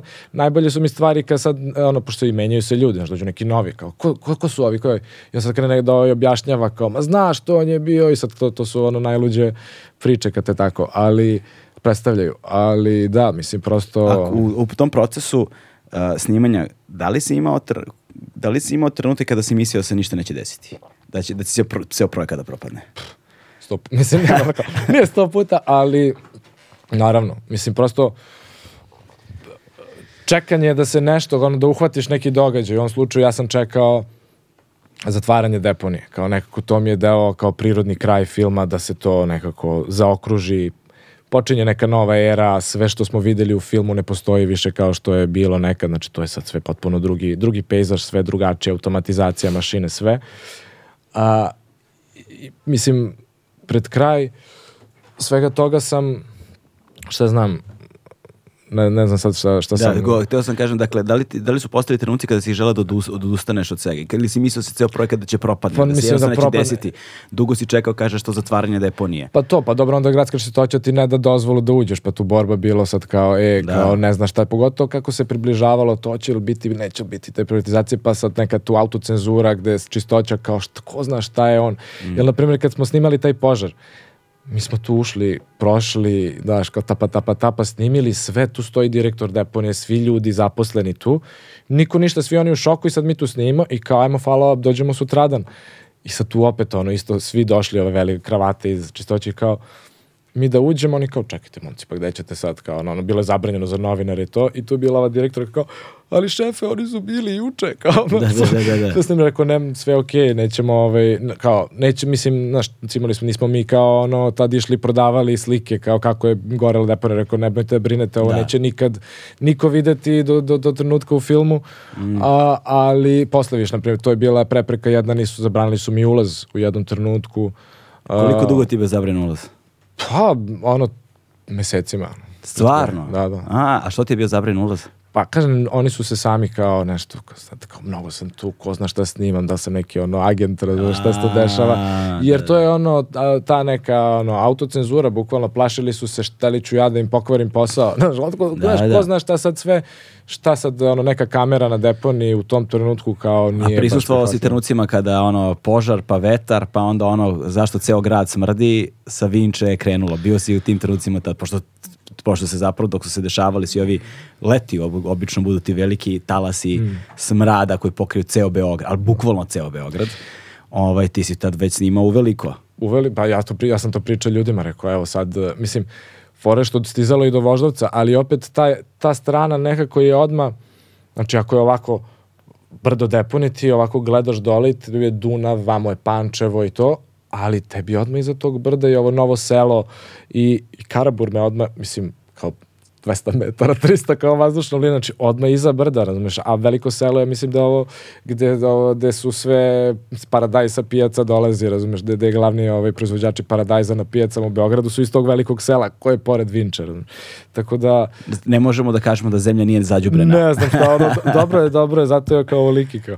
Ali, a, Kako se zove? Volovsko srce. Volovsko, e, srce, da. Vinčansko srce. Da. Ovaj, a, da, mislim, to je, ali to kažem ti, to je gorelo više navrata. Mislim, evo, dok smo mi bili, to bile su ta dva veća, kao ono baš da je bilo Mm. ono čovjek se ne vidi, ali bilo je i manjih, nego prosto onda nam čak i zabranjuju nisi mogao da uđeš ono prosto. Pitanje je jedno, ovaj, pošto ni malo, malo pre si ti kratko to pomenuo.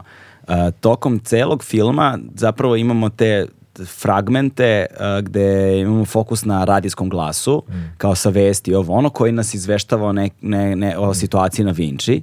Ovaj, u situaciji o Vinči, jesu li svi glasovi radijski autentični? Nisu svi. E, Oni ženski poslednji, čini mi se negde pri kraju, E, ženski poslednji, to je, da, to smo snimili. da, da, to ako mi je zvučalo, da. Jer e, kombinovano je bilo. Znači nije da smo sada prosto neke stvari, jer to postoje, postoji velika razlika, jer e, između radijske vesti i, i TV vesti. Mislim, Da, da. Kada, kada ti, na primjer, hoćeš da staviš radijsku vest, da zvu, e, televizijsku vest kao radijsku montažu, nije to to. Ima neki fake. Dok, ako skineš bilo koju radijsku vest i staviš je kao radijsku, potpuno drugačije zvuči. Onda smo mi pokušavali, kombinovali smo i, i skidali sa radija i sa, ne znam, uh, Beogradske hronike, isto ima delova Da. uh, koji su korišćeni, ali opet negde prosto kad, kad hoćeš ovako, kada praviš film da nećeš da objasniš stvari u smislu nemam nemam intervjue, nemam, uh, nemam neke voice-overe koji pričaju stvari i onda moraš na neki drugi način da kreiraš naraciju šta će se desiti. Mislim, koristili smo i grafike i one epitafe, ali prosto kako drugačije da, da ti objasniš ljudima je stiže promena, nešto se dešava, a imali smo svuda je radio tamo, pičala muzika, uvek je bio radio negde i prosto to je mi je bio legitiman način informisanja. Da, da, da. A, korišćene su TV stvari, ali onda smo na kraju morali prosto da, da ovaj, dramatučki dođemo do momenta i kao dešava se ova privatizacija, nismo ništa izmišljali i te vesti koje su čitane su autentične vesti, samo smo ih pročitali zapravo, ali da zvuči kao da je došlo sa radija, ne Da, ono... ako sam primetio, sluhom sam primetio Pa ti imaš da da, znaš- ima, ima, da, ja, da, ja ono, zna, znam te stvari i onda ima nečeg u načinu, a, prosto postoji u, a, ne bih rekao, nije u žargonu, ali kao ne, nekom, u, u tom novin, novinarskom jeziku, znaš, i, i postoji mani, maniri neki, Tako je. postoji način na koji se kreiraju te re, konstrukcije rečenične. Pa to je znaš, da. smešno jer smo mi uzeli naš drugaricu Lanu Nikolić koja je i radila, imala emisiju na RTS-u Da, da. ono godinama i kao kad smo hteli to da snimimo mi kao ajde da ono novo iskustvo i ona krene baš to sad taj manirizam i mi kao ne ne ne ne daj nam ono TDI kao molim te kao Da. daj i ona kao pa kao to, to kao, ne radimo mi to tako, kao, Da, da, daj, da, daj da, mi da. ono TDI i onda kao, danas smo, ono, no, da ima ono dinamike i ritmu, da nije ono, mislim, uh, Da, ima tačno su- kako se spikeri treniraju da, da čitaju vesti, ono u brejkovima na radiju. Mislim, sad ne znam koliko se to danas koristi. Sigurno se koristi sad, čujem ja ponekad na, volim da odslušam, ne znam, na, ovaj, na S radiju, recimo ovaj, buđenje sa Mm. Draganom Ilićem, jel te, i Dejanom sada, ovaj, nekada sa Goricom. Tako, u stvari na radiju samo to. Sad kao, da sam se setim još nečega što odslušam radio, Ja mislim odslušam- na 200 dvojici kapiram ima isto toga i... E da, odslušam nekad na 200 dvojici ovaj, po neku emisiju, znam da su Prti imali emisiju tamo, Dejan Cukić ima neku emisiju, ali ovaj, ima i na Radio Beogradu u drugom programu uvek odslušam kad god uhvatim zapravo odslušam put svile, ali to je nešto drugo sasvim. Ali da, ali ta dikcija dolazi odatle. Mi smo Da, da. opet hteli kao daj nam više ono malo potpuno, nemoj profesionalno, tako da Lana je to dala nam te i, i jeste. Ali prosto kažem, moralo je da se neke stvari morali su prosto se ubace jer nemamo mi ono taj nedostatak to malo smara kad imaš taj nedostatak arhive ono znaš kada u, u Americi imaš arhivu za sve živo sve žive vesti ono sve sve sve i možeš da nađeš samo ovo je bilo znaš kao tražiš vesti nema znaš nemaš dakle da skineš kada tražiš prosto ovaj Da, to je problem. Po- Kod nas je, ima više problema s arhivom kod nas. Prvi je problem o kojem sam ja ovde govorio onoliko puta, ne bih da se ponavljam, žao mi je svima koji slušaju ko zna koji put, ali mi imamo taj problem tranzicije s analogom na digitalnu tehnologiju celu dekadu od 2000. do 2010. kada iskopati, ono, i čekaj, ako nađeš neku fotkicu, to su ono, naš neki, nema ni jedan megapiksel, to su, ono, to ni na šta ne liči niti, niti imamo kulturu čuvanja tih stvari. Druga stvar, gomila arhive nam nije digitalizovana uopšte. To ono, i sve je mahom na RTS-u. Slažem Do, mislim je privatnih, da, Mm. do, ra- do, do nastanka privatnih medija, sve arhiva je na RTS-u. Ovaj, I onda to iskopati, prebaciti se trake, na, preba, a, platiti sve to. to Da, pa nije problem isto. naći sad stvari iz ono socijalističke Jugoslavije, ono filmske novosti i to, ali nema što ti kažeš od 2002. ono ne možeš da nađeš stvari, ono ne znam, A. Um, to sam skoro vidio ono da je Timpe koji izbacivo za Edesi koju, na primjer, ja koji sam tad bio srednjoškolac, koji sam to pratio kao, znaš, moram da vidim da li ja sam skidao neke stvari, kao da li imam nešto da, da im ono, podelim Da, iz da, tih. doprineseš, Jer imam da. neke to prvi diskovi, to da se nešto skidalo, to daje lap internet, mislim, prosto, da, a to, nemamo ni kulturu čuvanja, mislim, kako ko? Ima ljudi koji su ono fanatični da ti sada... Pojedinci. Pojedinci, naravno, da imaš par ljudi koji skupljaju, koji imaju svoje privatne arhive. Pa to, ali sistematizovano nemamo. Evo ja Nema gledam, sistematizovano, i- da. bio nam je ovdje gostima Jugoslav Pantelić, znaš, on vodi Jugoslovensku kinoteku. Kad je on nama ovdje pričao kro- kroz koju Golgotu je on prolazio i prolazi da bi filmove kao ono nematerijalnu kulturnu baštinu od izuzetne vrednosti sačuvao Propadanje. od da. propadanja, dakle govorimo o Crnom talasu, govorimo o onom Makavejevu, znaš, govorimo o ozbiljnim filmovima, na. Ovaj, i šta, kroz šta moraju da, ono, koje su to ono G12, ono, opcije koje oni moraju da izvedu da bi sačuvali, jer to je kada se privatizovalo, nije se vodilo računa o tim trakama, pa to zapravo privatno vlasništvo, pa to oni, da li su oni to gde čuvali, šta radili s time? To je glavni sačuvaj. problem, mislim da se nisu, ja evo konkretno i radim i neke stvari vezano isto za arhivu, za druge ljude, Da. vezano za neke arhivske filmove, pa sam bio u kontaktu sa filmskim novostima oko, oko arhivskog materijala. Tu je dosta veliki problem uh, prava, znaš, ono, Mm. konkretno za ove stare stvari, kad je došlo do raspored, raspada države, šta je kome otišlo, čije su prava na, ne znam, Tita i Jovanku na novoj godini, ono, tad ima ga i ovde, ali pravo drže oni, ali ne mogu ti daju, jer zapravo, no, i onda dosta tu sad, tu, mislim, ima ljudi koji će da mogu da pričaju više o tome i ti si pričao, tako da, Da. komplikacija Pa je, Mila- nema, da. nije, ba, mislim, Mila evo, Turajlić kada je počela priča kroz da one dođe tamo i oni imaju samo ono sad ću da lupim hiljade traka neobeleženih. Mm. Nemaju pojma šta se na njima nalazi. Ne, to je ludilo. Znači, to, onda je- ona sedne u podrum i kao lista jednu po jednu i pra- ona im praktično odrađuje ogroman deo arhivskog posla. Pa moraš to, mislim, prosto to kao, evo ja ću da vam sredim orman, samo da nađem nešto i onda im kao središ i kao nađeš i prosto tako mora. Sa tradicijom dugom skoro tri decenije, Legend Worldwide je prepoznatljiv domaći brend sa akcentom na jeans, pre svega, koji odlikuju bezvremenski, klasični modeli. I kažem ti, jedina stvar koju ako bih uzeo, ono, ako bi bio potpuno iskren, koja mi negde kao nedostatak recimo u samom filmu, je ton. Odnosno njihovi razgovori. Sva sreća, pa sam ja gledao verziju sa titlovima na festivalu, ali su mi stvarno značili titlovi. Razumem, pa to, je, to je sad uh, manjak i toga što smo bili je to dvočlana ekipa gde ja snimam ton ili kad sam solo ne, snimam ga nešto, ali pazi, ako ti kažem da je ono velika, velika stvar je urađena u postprodukciji zvuka, uh, pozdrav za, za Kaču, uh, našeg ono, slo- slovenačkog dizajnera zvuka, mislim, vetrovi, mislim, uh, Da.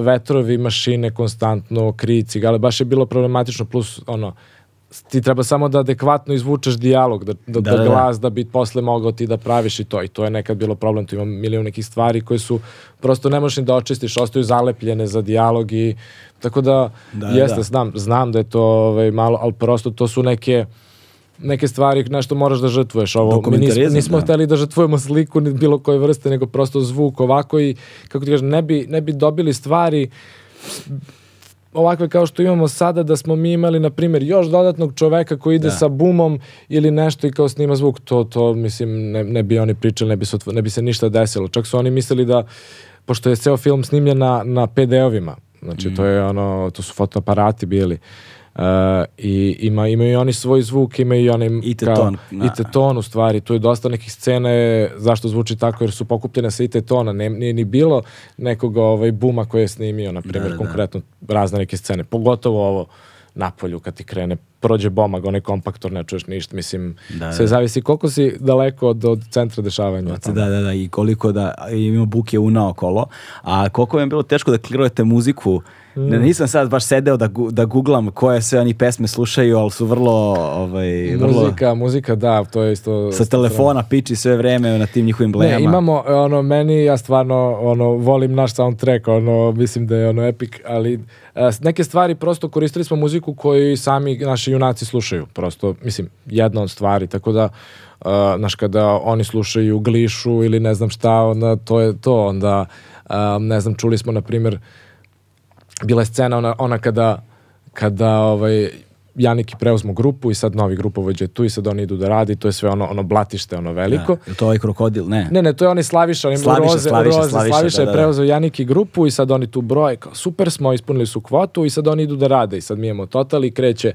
sekvenca sa boma, govim pticama koja je onako malo poetična i meditativna, međutim bilo je nastavak toga, oni hodaju i sad idemo, pratimo ih, oni pevaju vozi, vozi me, ko na roller, i to je sad bilo, pevaju roller coaster od Inviva koji je kao, da sam ja tad čuo to, ali znaš kao hodaju, vetar, nešto ludilo i prosto ritmički nam nije odgovarao, kao šta je ovo, daj da proglamo i kao roller coaster pustiš, kao a ovo koje je ludilo, mislim, in vivo, ja ono znam iz srednje škole, ono kad je bilo ono tu, tu, tu, oni hitovi neki. Ne znam ja, ne znam ja šta je to, ali... Pa da. evo, ko, mislim, kapiram posle filma, ovaj roller coaster će barem biti ovaj, Da, da. popularni, ali da, onda... Da, to ne- to, ta pesma se pojavljuje negde kao light se. motiv u stvari, da, nju, nju najviše slušaju. Ona, da, imamo je i vamo, ali neke stvari su to došle, mislim, prosto od njih. Dosta stvari je našao Dragan Montažer, koji ima, ono, i on ima svoju arhivu nekih, ono, fi, ono muzike koja je koja ono mora nekad negde da se pojavi, onda smo tu razne stvari, mislim, ne znam, e, nalazili smo i stvari tako što, ne znam, Dragan me zove sa, sa neke svadbe i čuje Baju Papaju Šazemovo i kao slušaj mislim, i onda se to, da, ta, neka, ono, nisam ni ja, Baja Papaja, i onda kao, je, Baja Papaja, o, da. Milica Pavlović, zapravo, kao Aha, muzika, čekaj, aha, čekaj, čekaj, e, Baja Papaja pesma ili grupa? Baja Papaja pesma. A pesma, aha, okej, okej. I ovaj, to, na primjer, eto, došlo Draganče Šazemovo, to onda, ne znam, neke stvari, um, uđu iz zezanja, probaš nešto, znaš, pa može, pa ne može, pa, uh, ne znam, na kraju, Mislim, ja sam presrećan što sam imao Dragana kao neko ko je tu stvarno ono konstruktivan što se tiče muzike i stvari, jer tu možeš ono da lako radiš na nekim finesama, ono da li je ono finesa poput da li je ovaj Baja Papaja ili Dak ono u soundtracku, ali uh, imali smo na primjer što se tiče nismo imali sad problema, mislim da samo jedna muzika možda da nismo uspeli da je očistimo. Aha, Uh, ovo sve ostalo su nam ljudi dali, stvarno smo kontaktirali, mislim to znaš sad mora se prođe, ono moraš da juriš i aranžera i tekstopisca, kompozitora, zapravo ti ne treba dozvola samog autora, nego dovoljno, kao moraš da pokupiš sa 300 i izdavač. izdavač, da, čije, odnosno čije su fonogramska prava, čije su autorska prava, čije Tako su je. interpretatorska I onda prava. zapravo to treba juriti. Mi smo imali Grand izdanje, imali smo City Records izdanje, imali smo tu juriti autor. Imali smo neke, neku muziku, ima to ovaj, evo, za ljubitelje Srećko Krečar, pobednik, što je pesma koja nikad nije imala izdanje, nego to hit na YouTube-u i kao to je ono narodna stvar. Onda um, imali smo, ne znam, tako neka ludila, Vadi, vadi pare, Marina Dalipović, to je ona žurka. Um, ne znam sad, da, mislim najveća st- stvar je Esma Redžepova i, i E, da. ovaj Roman Oro.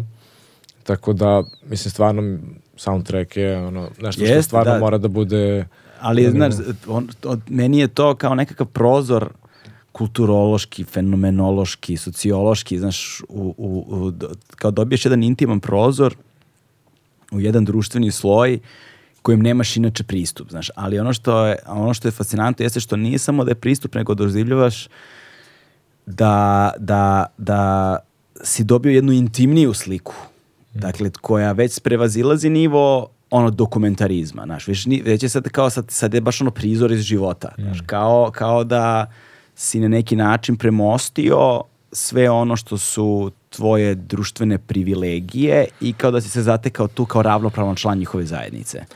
Znaš, i to je ono što nosi ogromnu vrednost zapravo, ono što će sutra, ono, znaš, ja sad zamišljam kao u nekoj vremenskoj kapsuli za 50 godina, za 100 godina, ljudi kad vide to, to će imati ogromnu težinu. Pa to sam ja njima isto pričao, kao, on, pošto dosta je tu bili bežanja, neće da se snimaju Naravno, ljudi, naravno, kao nemoj naravno. mene, nemoj ovaj, da Igor tu rekao biti, na primjer, kako su ga jurili sa Čekićem, ono, tamo, kao, nemoj mene snimaš, pa te juri neki lik, ono, da ti sa teleobjektivom snimaš tamo nešto i sad kao, i kao, ne mene, i kao juri da ti iz Čekića, mislim, onda neće ljudi kao da, da, da učestvuju, ti kažeš, dobro, ali kad to je ono, kad to uspe u smislu na, na način da ti stvarno možeš da budeš tu, onda da, mislim, meni i dalje drago mi je što to će ostati kao neka vrsta tog nekog istorijskog dokumenta, prosto da su ti ljudi ono kao postojali u tom nekom periodu, u tom vremenu, na tom mestu i prosto sada ih više nema, to ono, toga više nema, ne postoji neki svet koji je bio i nestao, tako da ovaj, Kada je, kada je zatvorena ta deponija? Mislim da deponija nije zatvorena. deponija nikad se nije zatvorila, zatvarala. nego, nego kada, kada, je, kada su oni završili svoje, kada, Posle korone, e,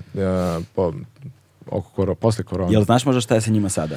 Ja sam sa, sa Janikom se čujem ono, u kontaktu, smo i sa ovim ostalima sam u kontaktu na Facebooku, to ovaj, sad, eh, sad kad su videli kad je trailer izašao, ono, svi su mi se javili kao, kao daj, hoćemo ono, ali svi su se razbežali nešto, ne znam, Elvis je u Nemačkoj radi, uh, Bok je ovaj drugi u grupi, on je u Danskoj nešto isto cepa.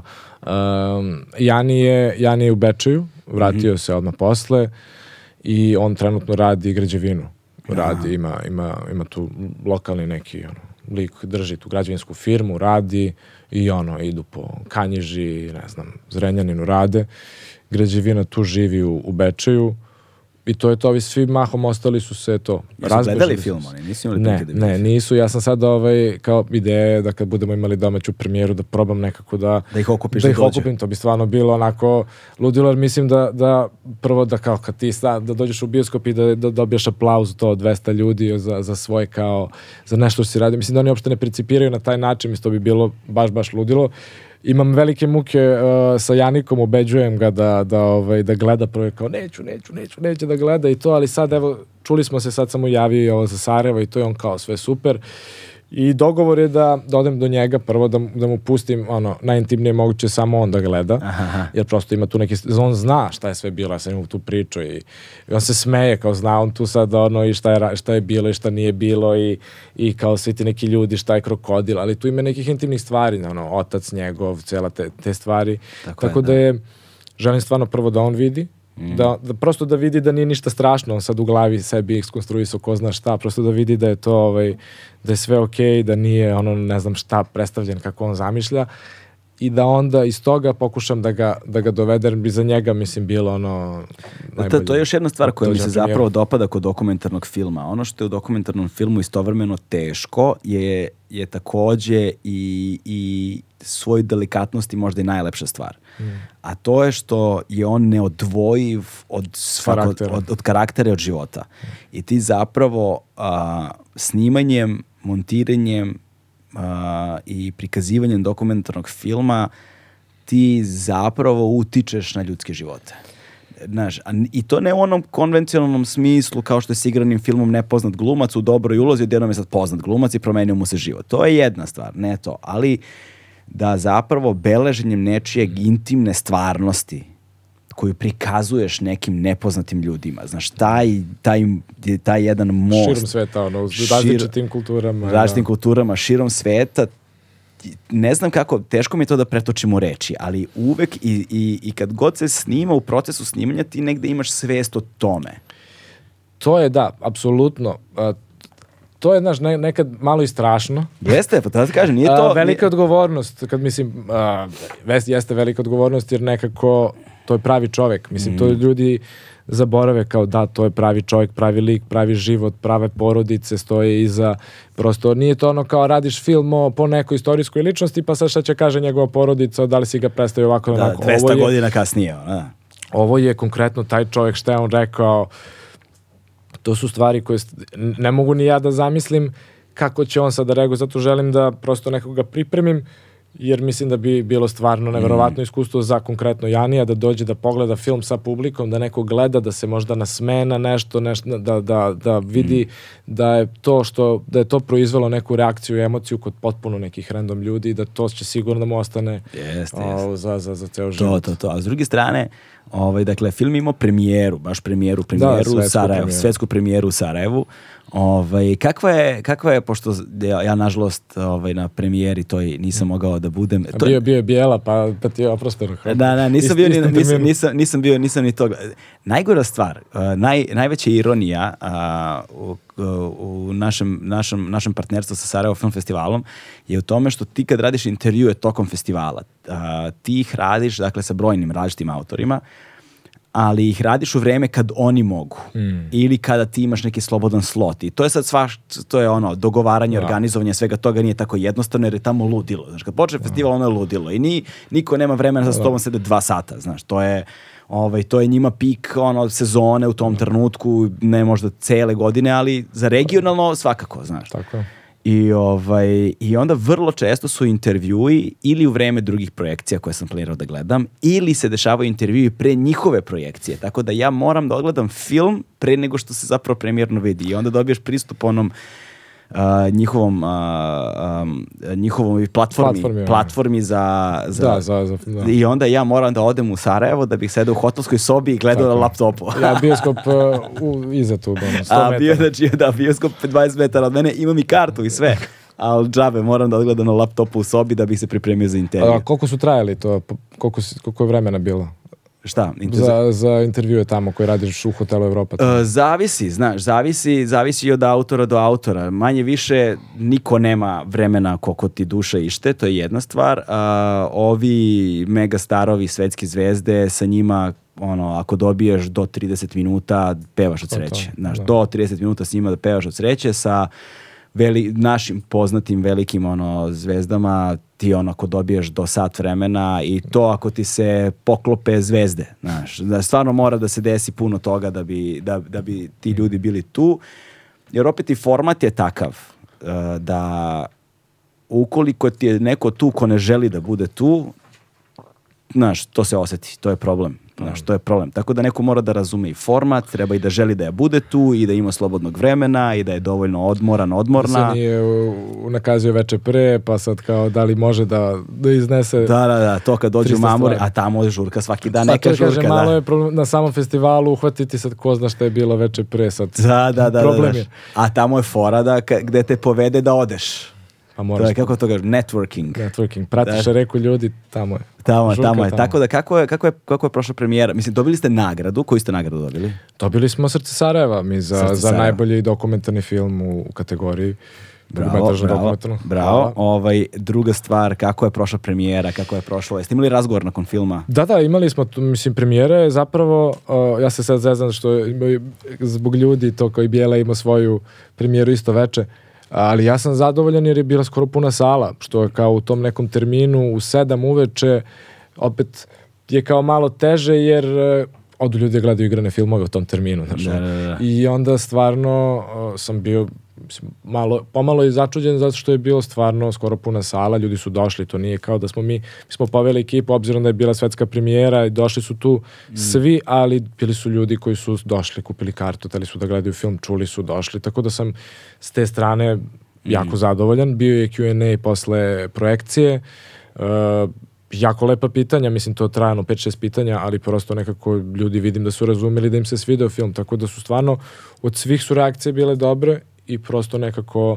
eto, na, na prvom festivalu, na premijeri, uzeli smo tu nagradu, tako da nadam se da će to sad nekako da nam ono, otvori vrata, da, da prosto, mislim, nama i nama, ali i filmu da može nekako mnogo lakše da dođe i do, do publike i da putuje i da bude viđen, tako da, mislim, presrećan sam zbog toga, naravno. Da, da, da, to je, ovaj, uh, a, a meni je recimo bilo fascinantno uh, kad sam shvatio u jednom trenutku da zapravo, i kad pominjali su malo pre da je većinski romska populacija i to, da ovaj, sam gledao recimo nekoliko filmova za redom u kojima sad već vidiš da kao je kao e, zna, značajno više postoji tih tema koje dotiču kulturološke razlike na takav način da kreiraju most uh, uh, most tolerancije tamo gde on zaista neophodan.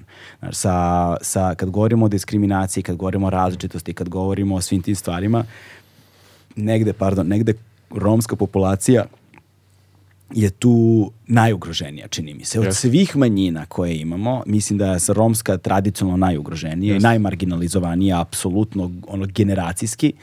Ovaj, a onda sam dobro, ok, gledao sam, pripremajući za intervju sa Danijom Santanovićem, pogledao sam njegove berače uh, željeza. željeza, da, grožđa, gvožđa, gvožđa, berače gvožđa, berače željeza, jel te?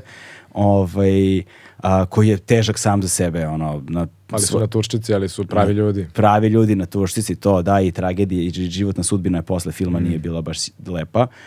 Ali onda sam gledao i ovaj dokumentarni film koji je bio sad u okviru Saro Film Festivala Snajka, Mhm, nisam. Snajka, koji govori zapravo o bračnom paru a, Teji i Mirsadu. A, ona je, jel te, Hrvatica iz Zagreba, a on je Rom sa Kosova. Znaš, I onda su oni u braku i kao venčali su se i kao dobili dete zajedno i šta ti ja znam. Skoro deset godina su snimali zapravo su se snimali sami sebe. Teja pre svega je zapravo snimala njih dvoje. Ovaj, ona je autorska, ona rediteljka, autorka filma. A, a, ceo taj proces porodica koji ih ne prihvataju. I jedne i druge kulture. I taj intiman uvid znaš, u, u kao, ka- kako, kako se, znaš, šta znači biti snajka zapravo u jednoj i drugoj kulturi, znaš, to je vrlo zanimljivo. Onda tvoj film, vaš film, to jest, dakle, Flašaroši. I tako kada ih vidiš onako sukcesivno jedne za drugima, dobijaš jedan utisak onako snažan utisak koji nosiš sa sobom, znaš, i onda poželiš, i onda razgovarao sam i sa Danisom i sa njima, pa moram da razgovaram i sa tobom, znaš, o utiscima, um, uh, ka, koji, koji, koji su tvoji negde najsnažniji utisci um, jednom kada je film završen? Znaš, i sad ti shvatiš da to sedam godina života koji su sada spakovani, zipovani, to je to, čak i flašaroša više nema, to je, od- to je njih na Ne mogu nešto da osnimim kao zamenim. Nema, nema, Nema, nema, nema. ništa, znaš, nego nekako sada jedno celo životno poglavlje je završeno, ali ti svakako posle tih sedam godina nisi isti čovjek koji si bio pre toga. Samom, samim protokom vremena nisi, ali kamoli svim ovim iskustvima koji si doživeo. Pa, mislim, ja tek sad počinjem evo i da, da razmišljam uopšte o tome. Prosto nekako, evo, imali smo premijeru i nisam, sad evo, imao sam i dosta intervjua nekih i razgovara filmu i prosto, znaš, kad tek staneš i počneš da razmišljaš i vraćaš film kao, aha, da, bilo je ovako, bilo je onako, nekako, ti kao, u, bilo je, mislim, prosto nekako, ja, za mene barem, nekako je to sve bila, ono, bukvalno roller coaster vožnja do nekog trenutka, sad sam konačno mogu kažem miran u smislu nekako mi je lakše jer je film izašao, to je to, nema dalje, to je znači sad je film, ide putovaće, imaće svoj neki život. I imaš ti naravno malo, malo ima taj moment kada ti radiš nešto toliko dugo. Ono, pripremaš film, praviš ga i to, sedam godina. I sad film izađe i zapravo tu tek predstoji prava, ovaj, prava igra sad u smislu da ti treba da prezentuješ taj film, treba da, da pričaš o filmu, da, da razgovaramo, a da te ne bude, da ne budeš spucan ono, od, od sedam godina, da ne budeš iscrpljen, izmožden od toga, nego prosto mora nekako da postoji neki balans, neka, neka ono, barem pauza, nešto da bi ti mogao da, da sad neki naredni period opet pričaš o tome, pristupiš istom tome, ali sad na drugačiji način pričamo, govorimo o tome, ali opet i dalje se baviš time, nekako nastavlja se i prosto mislim da je ključno da nekako skupiš snagu za taj deo, jer prosto nekako spustiš gard, kao gotovo je sad, kao evo, film izašao, to je to, ali prosto jedan veliki deo, sad jedan od najbitnijih delova, sad tek nastupa kada je film izašao, znaš, tako da tu mora sad i da se ono, Da, s jedne strane ventilacija, ono, kada govoriš o stvarima koje se doživaju i ventiliraš ih, one lape malo gube na vrednosti, odnosno, znaš, gubiš emocionalnu Zaboraviš, vezu sa njima, zaboraviš. kao da pričaš o nekome drugom, znaš. Da. To, ali s druge strane, to mi je neko rekao, kaže, 80, 20% snage ti je potrebno za 80% posla, a ono ti je potrebno 80% snage za posljednjih 20%. Znaš, kao- Mogu samo kažem da je kraj bio, da, ono, kraj je bio uvek ono, najmračnije pred ono zoru. Da. Ali istina za sad mogu da se složim, da. Stvarno je treba, treba izgurati, ali opet kažem, e, sad tek krećemo sa ovim pravim stvarima, Da. u smislu tako da to je sad opet neka nova priča. A koliko je narativ, uh, koliko si znao koji će narativ da bude uh, kada si počinjao snimanje, u toku snimanja ili si ga gradio kraju montaži? Koliko se, I koliko se menjalo to?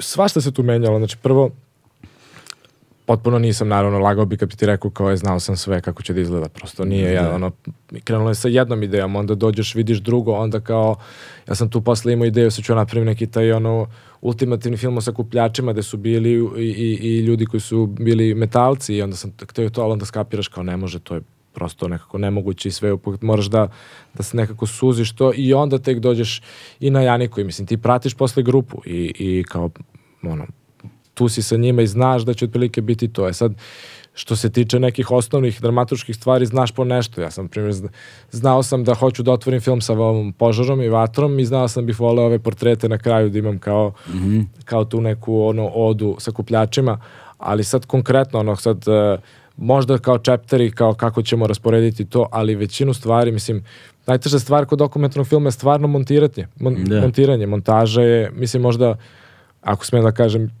i teža nego igra, montaža igranog filma i prosto jer ti najčešće u 90% slučajeva nemaš dramaturgiju u smislu nemaš priču napisanu da ti pretpostavljaš, nego ti si na nekim pretpostavkama, na nekim stvarima, to je ono uh, freestyluješ u pokretu kako se šta dešava i ti zapravo praviš film od onoga što imaš, mm. a ne od onoga ja, ja bih voleo sad da budi ovo, ne brate, ono, ali imaš to, ne, ne može, ono, znači praviš ovo i sad imali smo mi neku osnovnu ideju, ali posle u montaži dolazi ta prava stvar gde to ti treba neke stvari da strukturiraš, da ih ono adekvatno pozicioniraš, mm. da, da, da, da to nekako uh, mislim to je u montaži došlo, posle pogotovo ove neke podele na epitafe kad smo pokušavali, jer kao nemamo intervjue, nemamo voice-overe, nećemo to da imamo da neko objašnjava o filmu, nego prosto da gledaš ga kao igrani film. I onda sad, ali onda neće to biti potpuno narativno kao što bi trebalo, nisi dovoljno artikulisao to na način kao, kao, kao bi trebalo i onda imamo te epitafe u filmu, kao citate mm -hmm. a, naših ono, likova gde imam, ne znam, Uh, prvo ono, o, iskoristili smo citat našeg arheologa jednog gde kaže da je drevna vinča bila frankfurtski aerodrom kamenog doba u smislu koliko je to bilo mm. veliko i povezano za taj period onda ne znam koristili smo uglavnom citate njihove Janika koji kao kaže moraš budeš ja kao Schwarzenegger inače ode grupa ono poješćete gladni vukovi ili Slaviša posle koji preuzme grupu on kao jedino što čovjek priča je flaše i, i, i golf trojka, tako da onda to, to imaš kao od njega da je to to, kao golf trojka, samo troši brzo i, i skupo, ali glavna stvar kod tih epitafa bila sad u smislu naracije, su bili ti potpisi zapravo, mm. jer ti sad imaš citat, kažu i kao trudili smo se stvarno da to opet bude u liku i duhovito, ali potpis taj ispod, na primjer, kažeš prvi citat kada Janiku ono predstaviš kad je problem, pokrali su ga sa flašama, ovi njegovi skaču, nađi, traži flaše i to i on Znaš sad da ja sedi, ne mogu da kradem. Kao da. ne ja kradem, mm. kao idi tamo i traži kao naše flaše i on kao ja. I onda ide prvi u stvari citat kao Janika kaže šta je ta težina biti grupovođa kad kaže da moraš biti jako Schwarzenegger i onda ga potpišeš kao Jani, Boc, ono vođa flašaroške grupe. A onda naprimjer na kraju filma kada se deponija zatvara i to onda imamo opet citat njegov gde on kaže to kao nestali smo kao dinosaurusi, kao paljba idemo kući ali onda je Jani kao bivši sakupljač ono, Da, da, da, da. ili ne znam uh, trebalo nam je da objasnimo mi sad pošto se tu dolazi do te kao borbe za vlast ovaj, u, u među flašarošima gde jedna Janikina ekipa, njemu zabija nož u leđa, odvajaju se, on ostaje sam, pa onda on odlazi kod drugog grupovođa i tako dalje, ali onda kad Janika sedi i svađaju se kao on ti nije grupovođa, onda imaš počne kao citat od drugog grupovođa i potpišeš Slaviša, novi grupovođa, čisto da, da, da, da mogu ljudi da percipiraju se to dešava ili kroku da izdvojiš pa ide neki ono mala bara puna krokodila, ali jedan je krokodil šef tu. Da, to je onda citat Steva krokodil, znaš. Steva krokodil. I onda ovaj i onda nekako i ali Steva krokodil novi Janikin šef i onda ti možeš da ovaj nekako i kao ti bude jasno aha Da, Janika dobiješ dinamiku odnosa neko. Janika je ipak ono spao, sad je opet običan flašaroš, nije grupovođe, ali ti nekako bude jasno. Tako da to je, mislim da ta artikulacija je jako pomogla da se ti osjećaš komforno kao gledalac da možeš da, da mm. pratiš i kao i da na kraju krajeva onda i uživaš u nekim ono i poetici i vizua, vizua, mm. vizualima koji su tu, ali kad si komforan sa sa svim da, ostalim. posebno što, posebno što ovaj, uh, uh, po, kao, kao kad si pominjao da barem u to vreme kada su tako radili na taj način, kinta koji su dobijali nije bila zanemarljiva u odnosu na ono prosječne srpske plate. Ja sam se izvini zezao sa njima tad kad sam snimao to Ja sam rekao, daj ljudi, vi zarađujete više od mene, u smislu ja dolazim ovde, ono, 300-400 evra, što tek počinjem, radim, ono, vi ono, uzimate, rekao, daj da počnem da budem flašaroš ja, da, da uletim, da kao, to, to je bilo zezanje, daj da počnem finansiram film, kao ono, skupljajući flaše, naravno. Nisam, ali, ali da, mislim, ono, bilo je stvarno, bilo je love. Nije... Si probao da radiš? Si se nisam ono nešto jedan dan i probao kao da odradiš nisam smenu. Nisam hteo zato što nisam ono tu, bukvalno ja sam teo nešto i da im, znaš ono kad si na početku počeš nešto i da pomogneš, ma sam ja neke rukavice i to kao daj da ti on kao ne, ne, ne, ne, kao ne može, kao pusti kao, znaš, jer to je, znaš, mislim prvo, te, te, te, ovaj, ti džakovi, to kad, kad kaže, ovaj, prvo imaju te džakove, te mr, takozvane mrtvake, mm -hmm. koji oni kao, tako se zovu ti džakovi, koji su bukvalno sa, sa no, mrtvačkih stolova koji su ti dugački da oni mogu da napakuju i da na leđa i onda ti sa istovara dođeš zapravo i onda taj, mr, taj mrtak pretočiš u veliku svoju uh, vreću koja ona ima 50 kila kad ti to dobro nabiješ. Mm. Tako da probao sam onda, mislim, nije naivno uopšte kao nešto da se digne, kao prosto moraš, moraš ozbiljno da budeš ono u treningu za, za to. Da, da, da. E, i onda zato što kao zarađuju lovu koju zarađuju osnovu tog posla, to je prirodno da kreira konkurenciju. I onda tebi postane po, odmah jasno u samom startu i to ono što negde dinamika filma prati, da postoje zapravo konkurentske ekipe koje su spremne da preuzmu vodstvo, pored preuzmu, da ukradu ako treba, da, znaš, da mora da se postavi parametar, da mora da bude homogena jaka ekipa i onda to mora da ima svoju hijerarhiju i, ti, i to tačno se naziva Wolf, da. Wolf pack, ono, znači Pa da da. imaš kao čopor Vukova sa svojim vođom, sa svojim alfom, znaš. Pa da. A onda ti u tom alfi zapravo vidiš sve neke dimenzije čoveka koje nisi navikao da vidiš u alfi inače, znaš, njegove sumnje, njegove slabosti, njegove emocije. I nežniju stranu neku. Da, Da, da, da, da, ne samo neđusto, nego i to, ali opet i da vidiš da bez obzira na sve to negde, iako smo mi kao u svetu samog dela, ovaj, postoji taj neki glas, neđo neki, postoji gde tebi zapravo jasno da su svi oni u tom lancu ishrane ipak Mm. samo jedna karika koja se dolazi dosta nisko. Tako je, tako je. Znaš, bez obzira na njihovu unutrašnju hijerarhiju, ko je njima tu šef, ko nije, na sve njihove ono brige, ljutnje, veselja, ostvarenja, kao, znaš, kao kakav im je, ono kad komentariš kakav im je bio dan, upa, nije loše, kao dobri smo danas bili, šta kako su sakupili sa novim vođom Slavišom ovim. Ovaj, ali zapravo u svemu tome ti vidiš da to je samo jedno malo usko ono sledovanje neba koji on, na koje oni imaju pravo u životu. I da tamo postoji neki ono kao bog, znaš, kao omnipresent, znaš, sve, sve pris, o, o, omniprisutan a, neđo, ovaj, znaš, koji, koji je zapravo iznad svih njih, bez obzira kogod da se zameni na poziciji š, vođe. Ono. To ide dalje, znači to kaže ti sistem, nećeš ti Jani, ok, ide dalje, ide ovaj, Svi su samo roba. kao, ide račun, ko, imaš ti grupu, koliko, to ti je, toliko moraš da izbaciš, kao može, teraj. Mislim, prosto a, nema stajanja. Znači, Mm. Da, kao, da, da. to- kao gubi se lova, kao ne može kamion da kasni, mislim, kao, ne, ne, znaš, to je, o, i dalje sad ne znam, to kao tad je barem bilo, to su bile neke silne cifre, barem što su mi oni pričali, sad ono E, sad, nisam da. naš, naš, kao, proveravam, ali ali mislim to kao druge kad napuniš da, da, da e, šleper plastike E sada, ono što je u ovakvim situacijama, posle sa dokumentarnim filmom, meni najfascinantnije, prva ruka montaže. Mm. da li postoji nešto teže od prve ruke montaže? druga ruka final ne najteže je onda finalna ruka znaš. Da.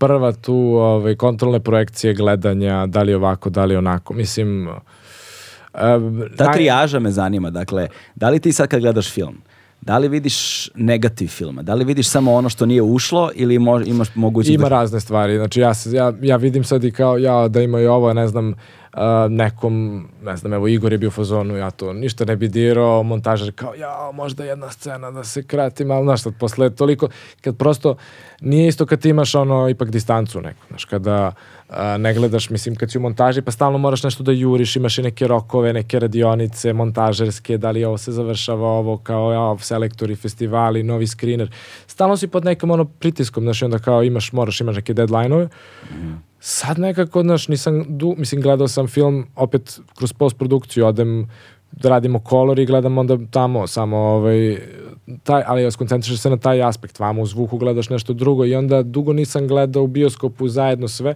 naravno ima stvari sad koje vidim koje su mi malo onako, ono, ne, neću da kažem zažmurim, ali prosto je, ali kao setim se, a moralo je tako zbog toga, toga i toga i onda nekako, ali nisam sad u fazonu da jao, ja bi sad to sve drugačije, to prosto mislim da stvarno treba, ono, sad je taj moment da treba ono, naučiti prihvatiti i da, Da. se samo prosto to ide dalje i da ga onako, da uživam u ovom delu sada kao kad je film izašao i kada...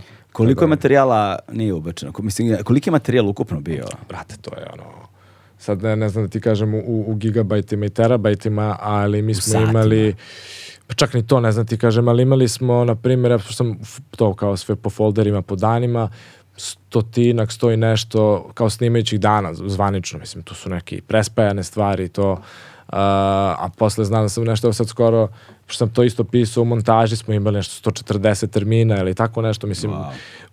veliki, veliki, veliki, mislim, prosto imao sam ja i da ne, da bih izbegli to, kao teo sam da izbegnemo te stvari, ja sam vodio kao knjigu, knjigu snimanja, kao, znaš, prosto to bila rutina isto sa Igorom kad smo završavali, maltene, dugo smo to radili, svaki snimajući dan kad je gotov, nađemo se to, odmah prebacivanje materijala, gledamo i analiziramo kao šta, Šta je... ste snimili Šta dana? smo snimili, šta može, da i ovo mora bolje, ajmo ovo ovako, priđi bliže, ne, ajmo ovde da pratimo.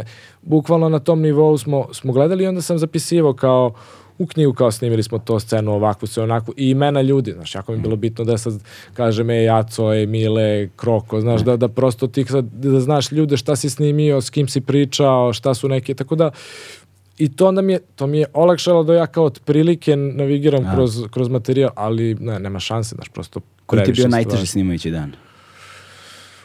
Pa, mislim sad najteži, prosto, mislim da mi je, jako je teško bilo kod Janike u Novom Bečeju sa njegovim roditeljima. Mm, sa konjem tamo i to. To mi je bilo pretužno, a, ali kao, naj, da, to je bilo teško, onako prosto da da kao dolaziš na to, to je nešto stvarno što, što nisam nikad video, znaš, da, da, da, da konj padne kao iz stajećeg položaja samo da se skljoka, ono, bam, da, pa, da, da se surva konj. To nisam nikad ono video pre to, to tad je bilo, da to mi je bilo onako malo teže, ali teško je sad, na primjer, kad dođeš Janiki, na primjer, mama, ona žena, ovako u filmu sad ti kad bi rekao, ona ne progovara, zove nešto, ajmo na ručak, dođite, hladno je i to, zapravo žena u realnosti ne zatvara usta, samo, znači to je bilo daga, daga, daga, daga, daga, i onda to je problematično posle bilo, znaš, ne možeš, ona zove, treba mi se sredi ovo, zovite mi Vučića, znaš, kao s 300 nekih priča, žena ne zakva, a ti sad kao nešto hoćeš, tu ozbiljna priča, Ćale se žali, ja neki pokrali su ih, ima neki problem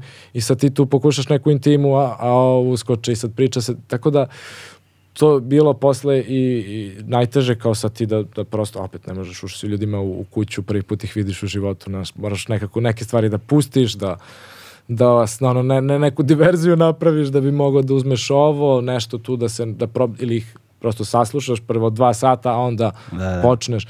To je bilo, na primjer, sad ovo na keca, mislim, ove očigledne neke stvari, ono, ptice, kompaktori, to, ono, imali smo, meni je prvi problem, na primjer, konkretno, jurio me jedan ovaj, Stafford, ovaj, deponijski neki, ogroman, mislim, ono, mesecima, mislim, mesecima, bukvalno, ovaj, Max se zove, mislim, og, ogroman, ono, i, i ovaj, stalno kad smo dolazili, on na mene, naš, on napada, ja imam i psa i sve, mislim, prosto drugačiji mirisi, i onda sam ono mesecima išao ono sa kao ne znam nekom kao imam tu stvari, imam i neku šipku kao nešto, znaš, za svaki slučaj onda kao googlaj kao kako se odbraniti od Stafforda kao pa onda nosi u stvari kao ne ne ne kao mora ono flaša vode da se sipa u njušku Ne, da, kao to je da. jedina stvar, nosi flašu vode. Razumiješ kao sve tu si spreman mi je jurio kaži ti mesecima, to je bilo isto haos pa onda Ste prihvatio Prosto- na kraju te stafa? ne, samo je nesto prosto ono, nije ga, jednog dana ga na- nije bilo više prosto Da, da. Nestane. A, a druga stvar, a, da, li, da li ti se promenila percepcija sopstvene stvarnosti? U smi, e, e, recimo, ako si tamo i snimaš ceo dan, dan, dva, tri, nije ni važno i doživiš tamo šta doživiš ovaj, i onda se vratiš nazad u Beograd i kao ideš sa ono, prijateljima na kafu, ili šta god, znaš. Da, da, da, ti, da ti promeni način na koji vidiš svoju svakodnevicu ili razgovore sa ljudima oko Apsolutno. sebe. Meni je, mislim, ja možda nisam još ni svestan zapravo koliko, koliko je ta transformacija se desila tako ono preuzela je ono nečujno. Ali da, mislim, ja sad da ne pominjem sad te neke stvari čega smo se sve nagledali od samog kao tog nekog kraja lanca, to kao tog samo đubreta šta sve ljudi bacaju posle pa ti sad mu da ono gledaš šta se tu dešava i, i ono stvarno je jeste deponija kažu ono gledalo društva st- stvarno jeste i Šta to sve ljudi bacaju, kad šta vidiš si to sve video tamo. Znaš, ima, imamo milijardu nekih slika, tu ćemo tek sad početi, to i kačit ćemo, bit će tu razno nekog sadržaja, ovaj, tek, će, tek ćete vidjeti, tako da bilo je tu stvarno, stvarno svega, ali ovo što kažeš sad kao povratak u realnost, ono, kao, znaš, negde, negde se izgubiš u smislu, ne izgubiš, nego prosto nekad mi je bilo kao, ne znam, vikend, ono, duše, tad sam i, ono, nisam imao porodicu i to, ali prosto kao, znaš, ja sad zovem me ortak, ajmo, ono, idemo, Bleja neka je rekao, e, ja odo, idem ja do, dole do Janija, Leštenburg na žurku, kao jer mi je to mi je bilo kao Leštenburg. Lešten, u Leštane dole. Uh, Leštenburg, jesi ima račun nekad za Leštenburg? Evo, to je na, Leštenburg. najjače žurke su dole, Kaluđerica, Leštenburg dole to. Tako da onda nekako se, što kažem, navučeš, ali prosto e, izmeniti se stvarno kao ideš, ono, to mi je bilo kao super stvar, znam, kao idem, subotu sam vamo, idem na žurku vamo kod ovih, blejimo, uh, a onda dođeš i sad kao šta sad ti da pričaš, nekako nekako stvari postanu malo, teže, znaš, neko i, i a, posle onda kao primećuješ stvari, neko samo vidiš, um, ono, ne znam, počeo sam, znam i pre toga, skupljamo one čepove već x godina za ono čep za hendikep što postoji, to mi je nekako ostalo ono Navika. navika i pre čak sam nešto krenuo predeponije, onda sam tek, tako da sam ono i to i, i opet ono, verovatno nerviram i svoju ženu, ono, kako, način na koji ja sad đubre pakujem, šta, šta sad, ono, kako karton, kako plastiku i to, ali jako mi je žao što nemamo mi sad kao, znaš, posebno da, da, da za se, reciklažu, da se reciklažu. Da, da, da, da, to je to, To su, to je jedno iskustvo koje ovaj ali ali je zanimljivo u vezi sa nečim što si pričao na samom početku a, kada moraš da ostaneš sam Hmm. sa njima da bi ti se otvorile priče. To sam to, to, su- to je nešto što sam recimo ja doživljavao kada putujem. Iskapirao sam kad god putuješ sa nekime, nije bitno da li vas je deset ili jedna osoba. Nekako ste upućeni jedni na druge. Hmm. I onda ti se to mesto na koje si otputovao teže otvara. Prosto se teže otvara, sporije se otvara. Istina, da. A kada se nateraš da ono backpack i sam odeš negde gde ne znaš apsolutno nikoga i daleko si, ti si prosto primoran da u prvih nekoliko sati ostvariš neku vrstu kontakta, jer kao što, Nisi ni znao da imaš u sebi kao ono. što nisi ni znao da imaš u sebi, ali onda ti se taj grad, to mesto gde god da si otišao, otvori sa, sa aspekta lokalaca odmah. Ne treba ti 10 dana, dva meseca, nego ti se odmah otvori, ali moraš da napraviš ti taj korak i da odeš sam. Apsolutno, ma dobro, to, a, to svakako, mislim, kažem, i e, moraš da budeš tu, moraš nekako da, Da, da. i, da, i da vreme tu potrošiš, jer prosto to je to, a naravno, kad si sam, ti sad, e, što ti kažeš, drugačije se stvari otvaraju. Drugačije, skroz, skroz. I ti sam već nekako si spremni nekako i ponosniji kao, kao ovo je prošlo, znaš, da ti kad vratiš film kao aha, kao, kao uradio si to ili ne, bukvalno kad backpackuješ kao u pa kao da nisam ovo, kao kako sam to uspeo da nešto nateraš sebe, to pushing to the limits, taj, taj moment meni je to jedna od stvari koje to kao mislim kažem volim, ali jesu drive neki da, da prosto to se otvaraju nove stvari, novi svetovi. U svakom slučaju, ovaj, Flašaroši, uh, Bottleman, uh, nekih sat i po vremena ovaj, sjajnog dokumentarnog filma koji se nadam još uvek nemaš nikakve, evo tek smo se ono vratili iz Sarajeva, još uvek je sve sveže, nemaš još uvek nikakve datume. Nemam sad, e, nažalost, da, sad smo se vratili, imali smo svetsku premijeru, e, nadam se, evo, zapratite na Instagramu Bottleman Film. Stavit ću Imamo- linkove za društvene mreže, Važi, sve u ćemo- opis epizode. Tu ćemo da ovaj, obaveštavamo ljude sve kako bude bilo. Volio bih samo da iskoristim istu priliku da sad kad smo već ovde da se zahvalim svojoj ekipi, Ajde. prosto koje, ovaj, koje je sve učestvovao na filmu, nekako mi se da je bitno da kad dobiješ prostor da se zahvališ ljudima koji su s tobom delili sve te godine, tako da se zahvalim producentkinji Mariji Stojnić, naravno Igoru Maroviću snimatelju, eh, Draganu Fan Petroviću montažeru, eh, Viva Videnović slovenačka koproducentkinja, eh, Boštjanka Čičnik naš sound dizajner, kompozitor Peđa Adamović, Nada Kostić, executive producer, um, i ne znam sad evo zezno to je kad kreneš u nabrajanje ja ne znam, sad si u ako sam problemu ako se nego za- ali srećom kao to ti je ta mala ekipa za ovaj za kao ipak radan dokumentarnom tako da nadam se mislim da nisam nikog propustio i naravno bih voleo da pozdravim moje ono, stare flašaroše ako iko gleda da Pozdrav. evo da, da znaju da Pozdrav, pozdrav za braću Da Flašaroše. Pozdrav Za za braću. Flašaroše. Hvala tebi puno još jednom što si Hvala na bio i nadam se da će Flašaroše, Bottleman, ljudi imati prilike uskoro da vide gde god komercijalno dostupno, da li će to biti neki deal s nekom televizijom, da li će to biti neke bioskopske projekcije ili će možda na kraju dana ipak biti neke streaming platforme, sve jedno, javljamo. ne sme da ostane samo festivalska priča. Hvala ti puno. Hvala to je to. tebi puno. Ćao. Ćao.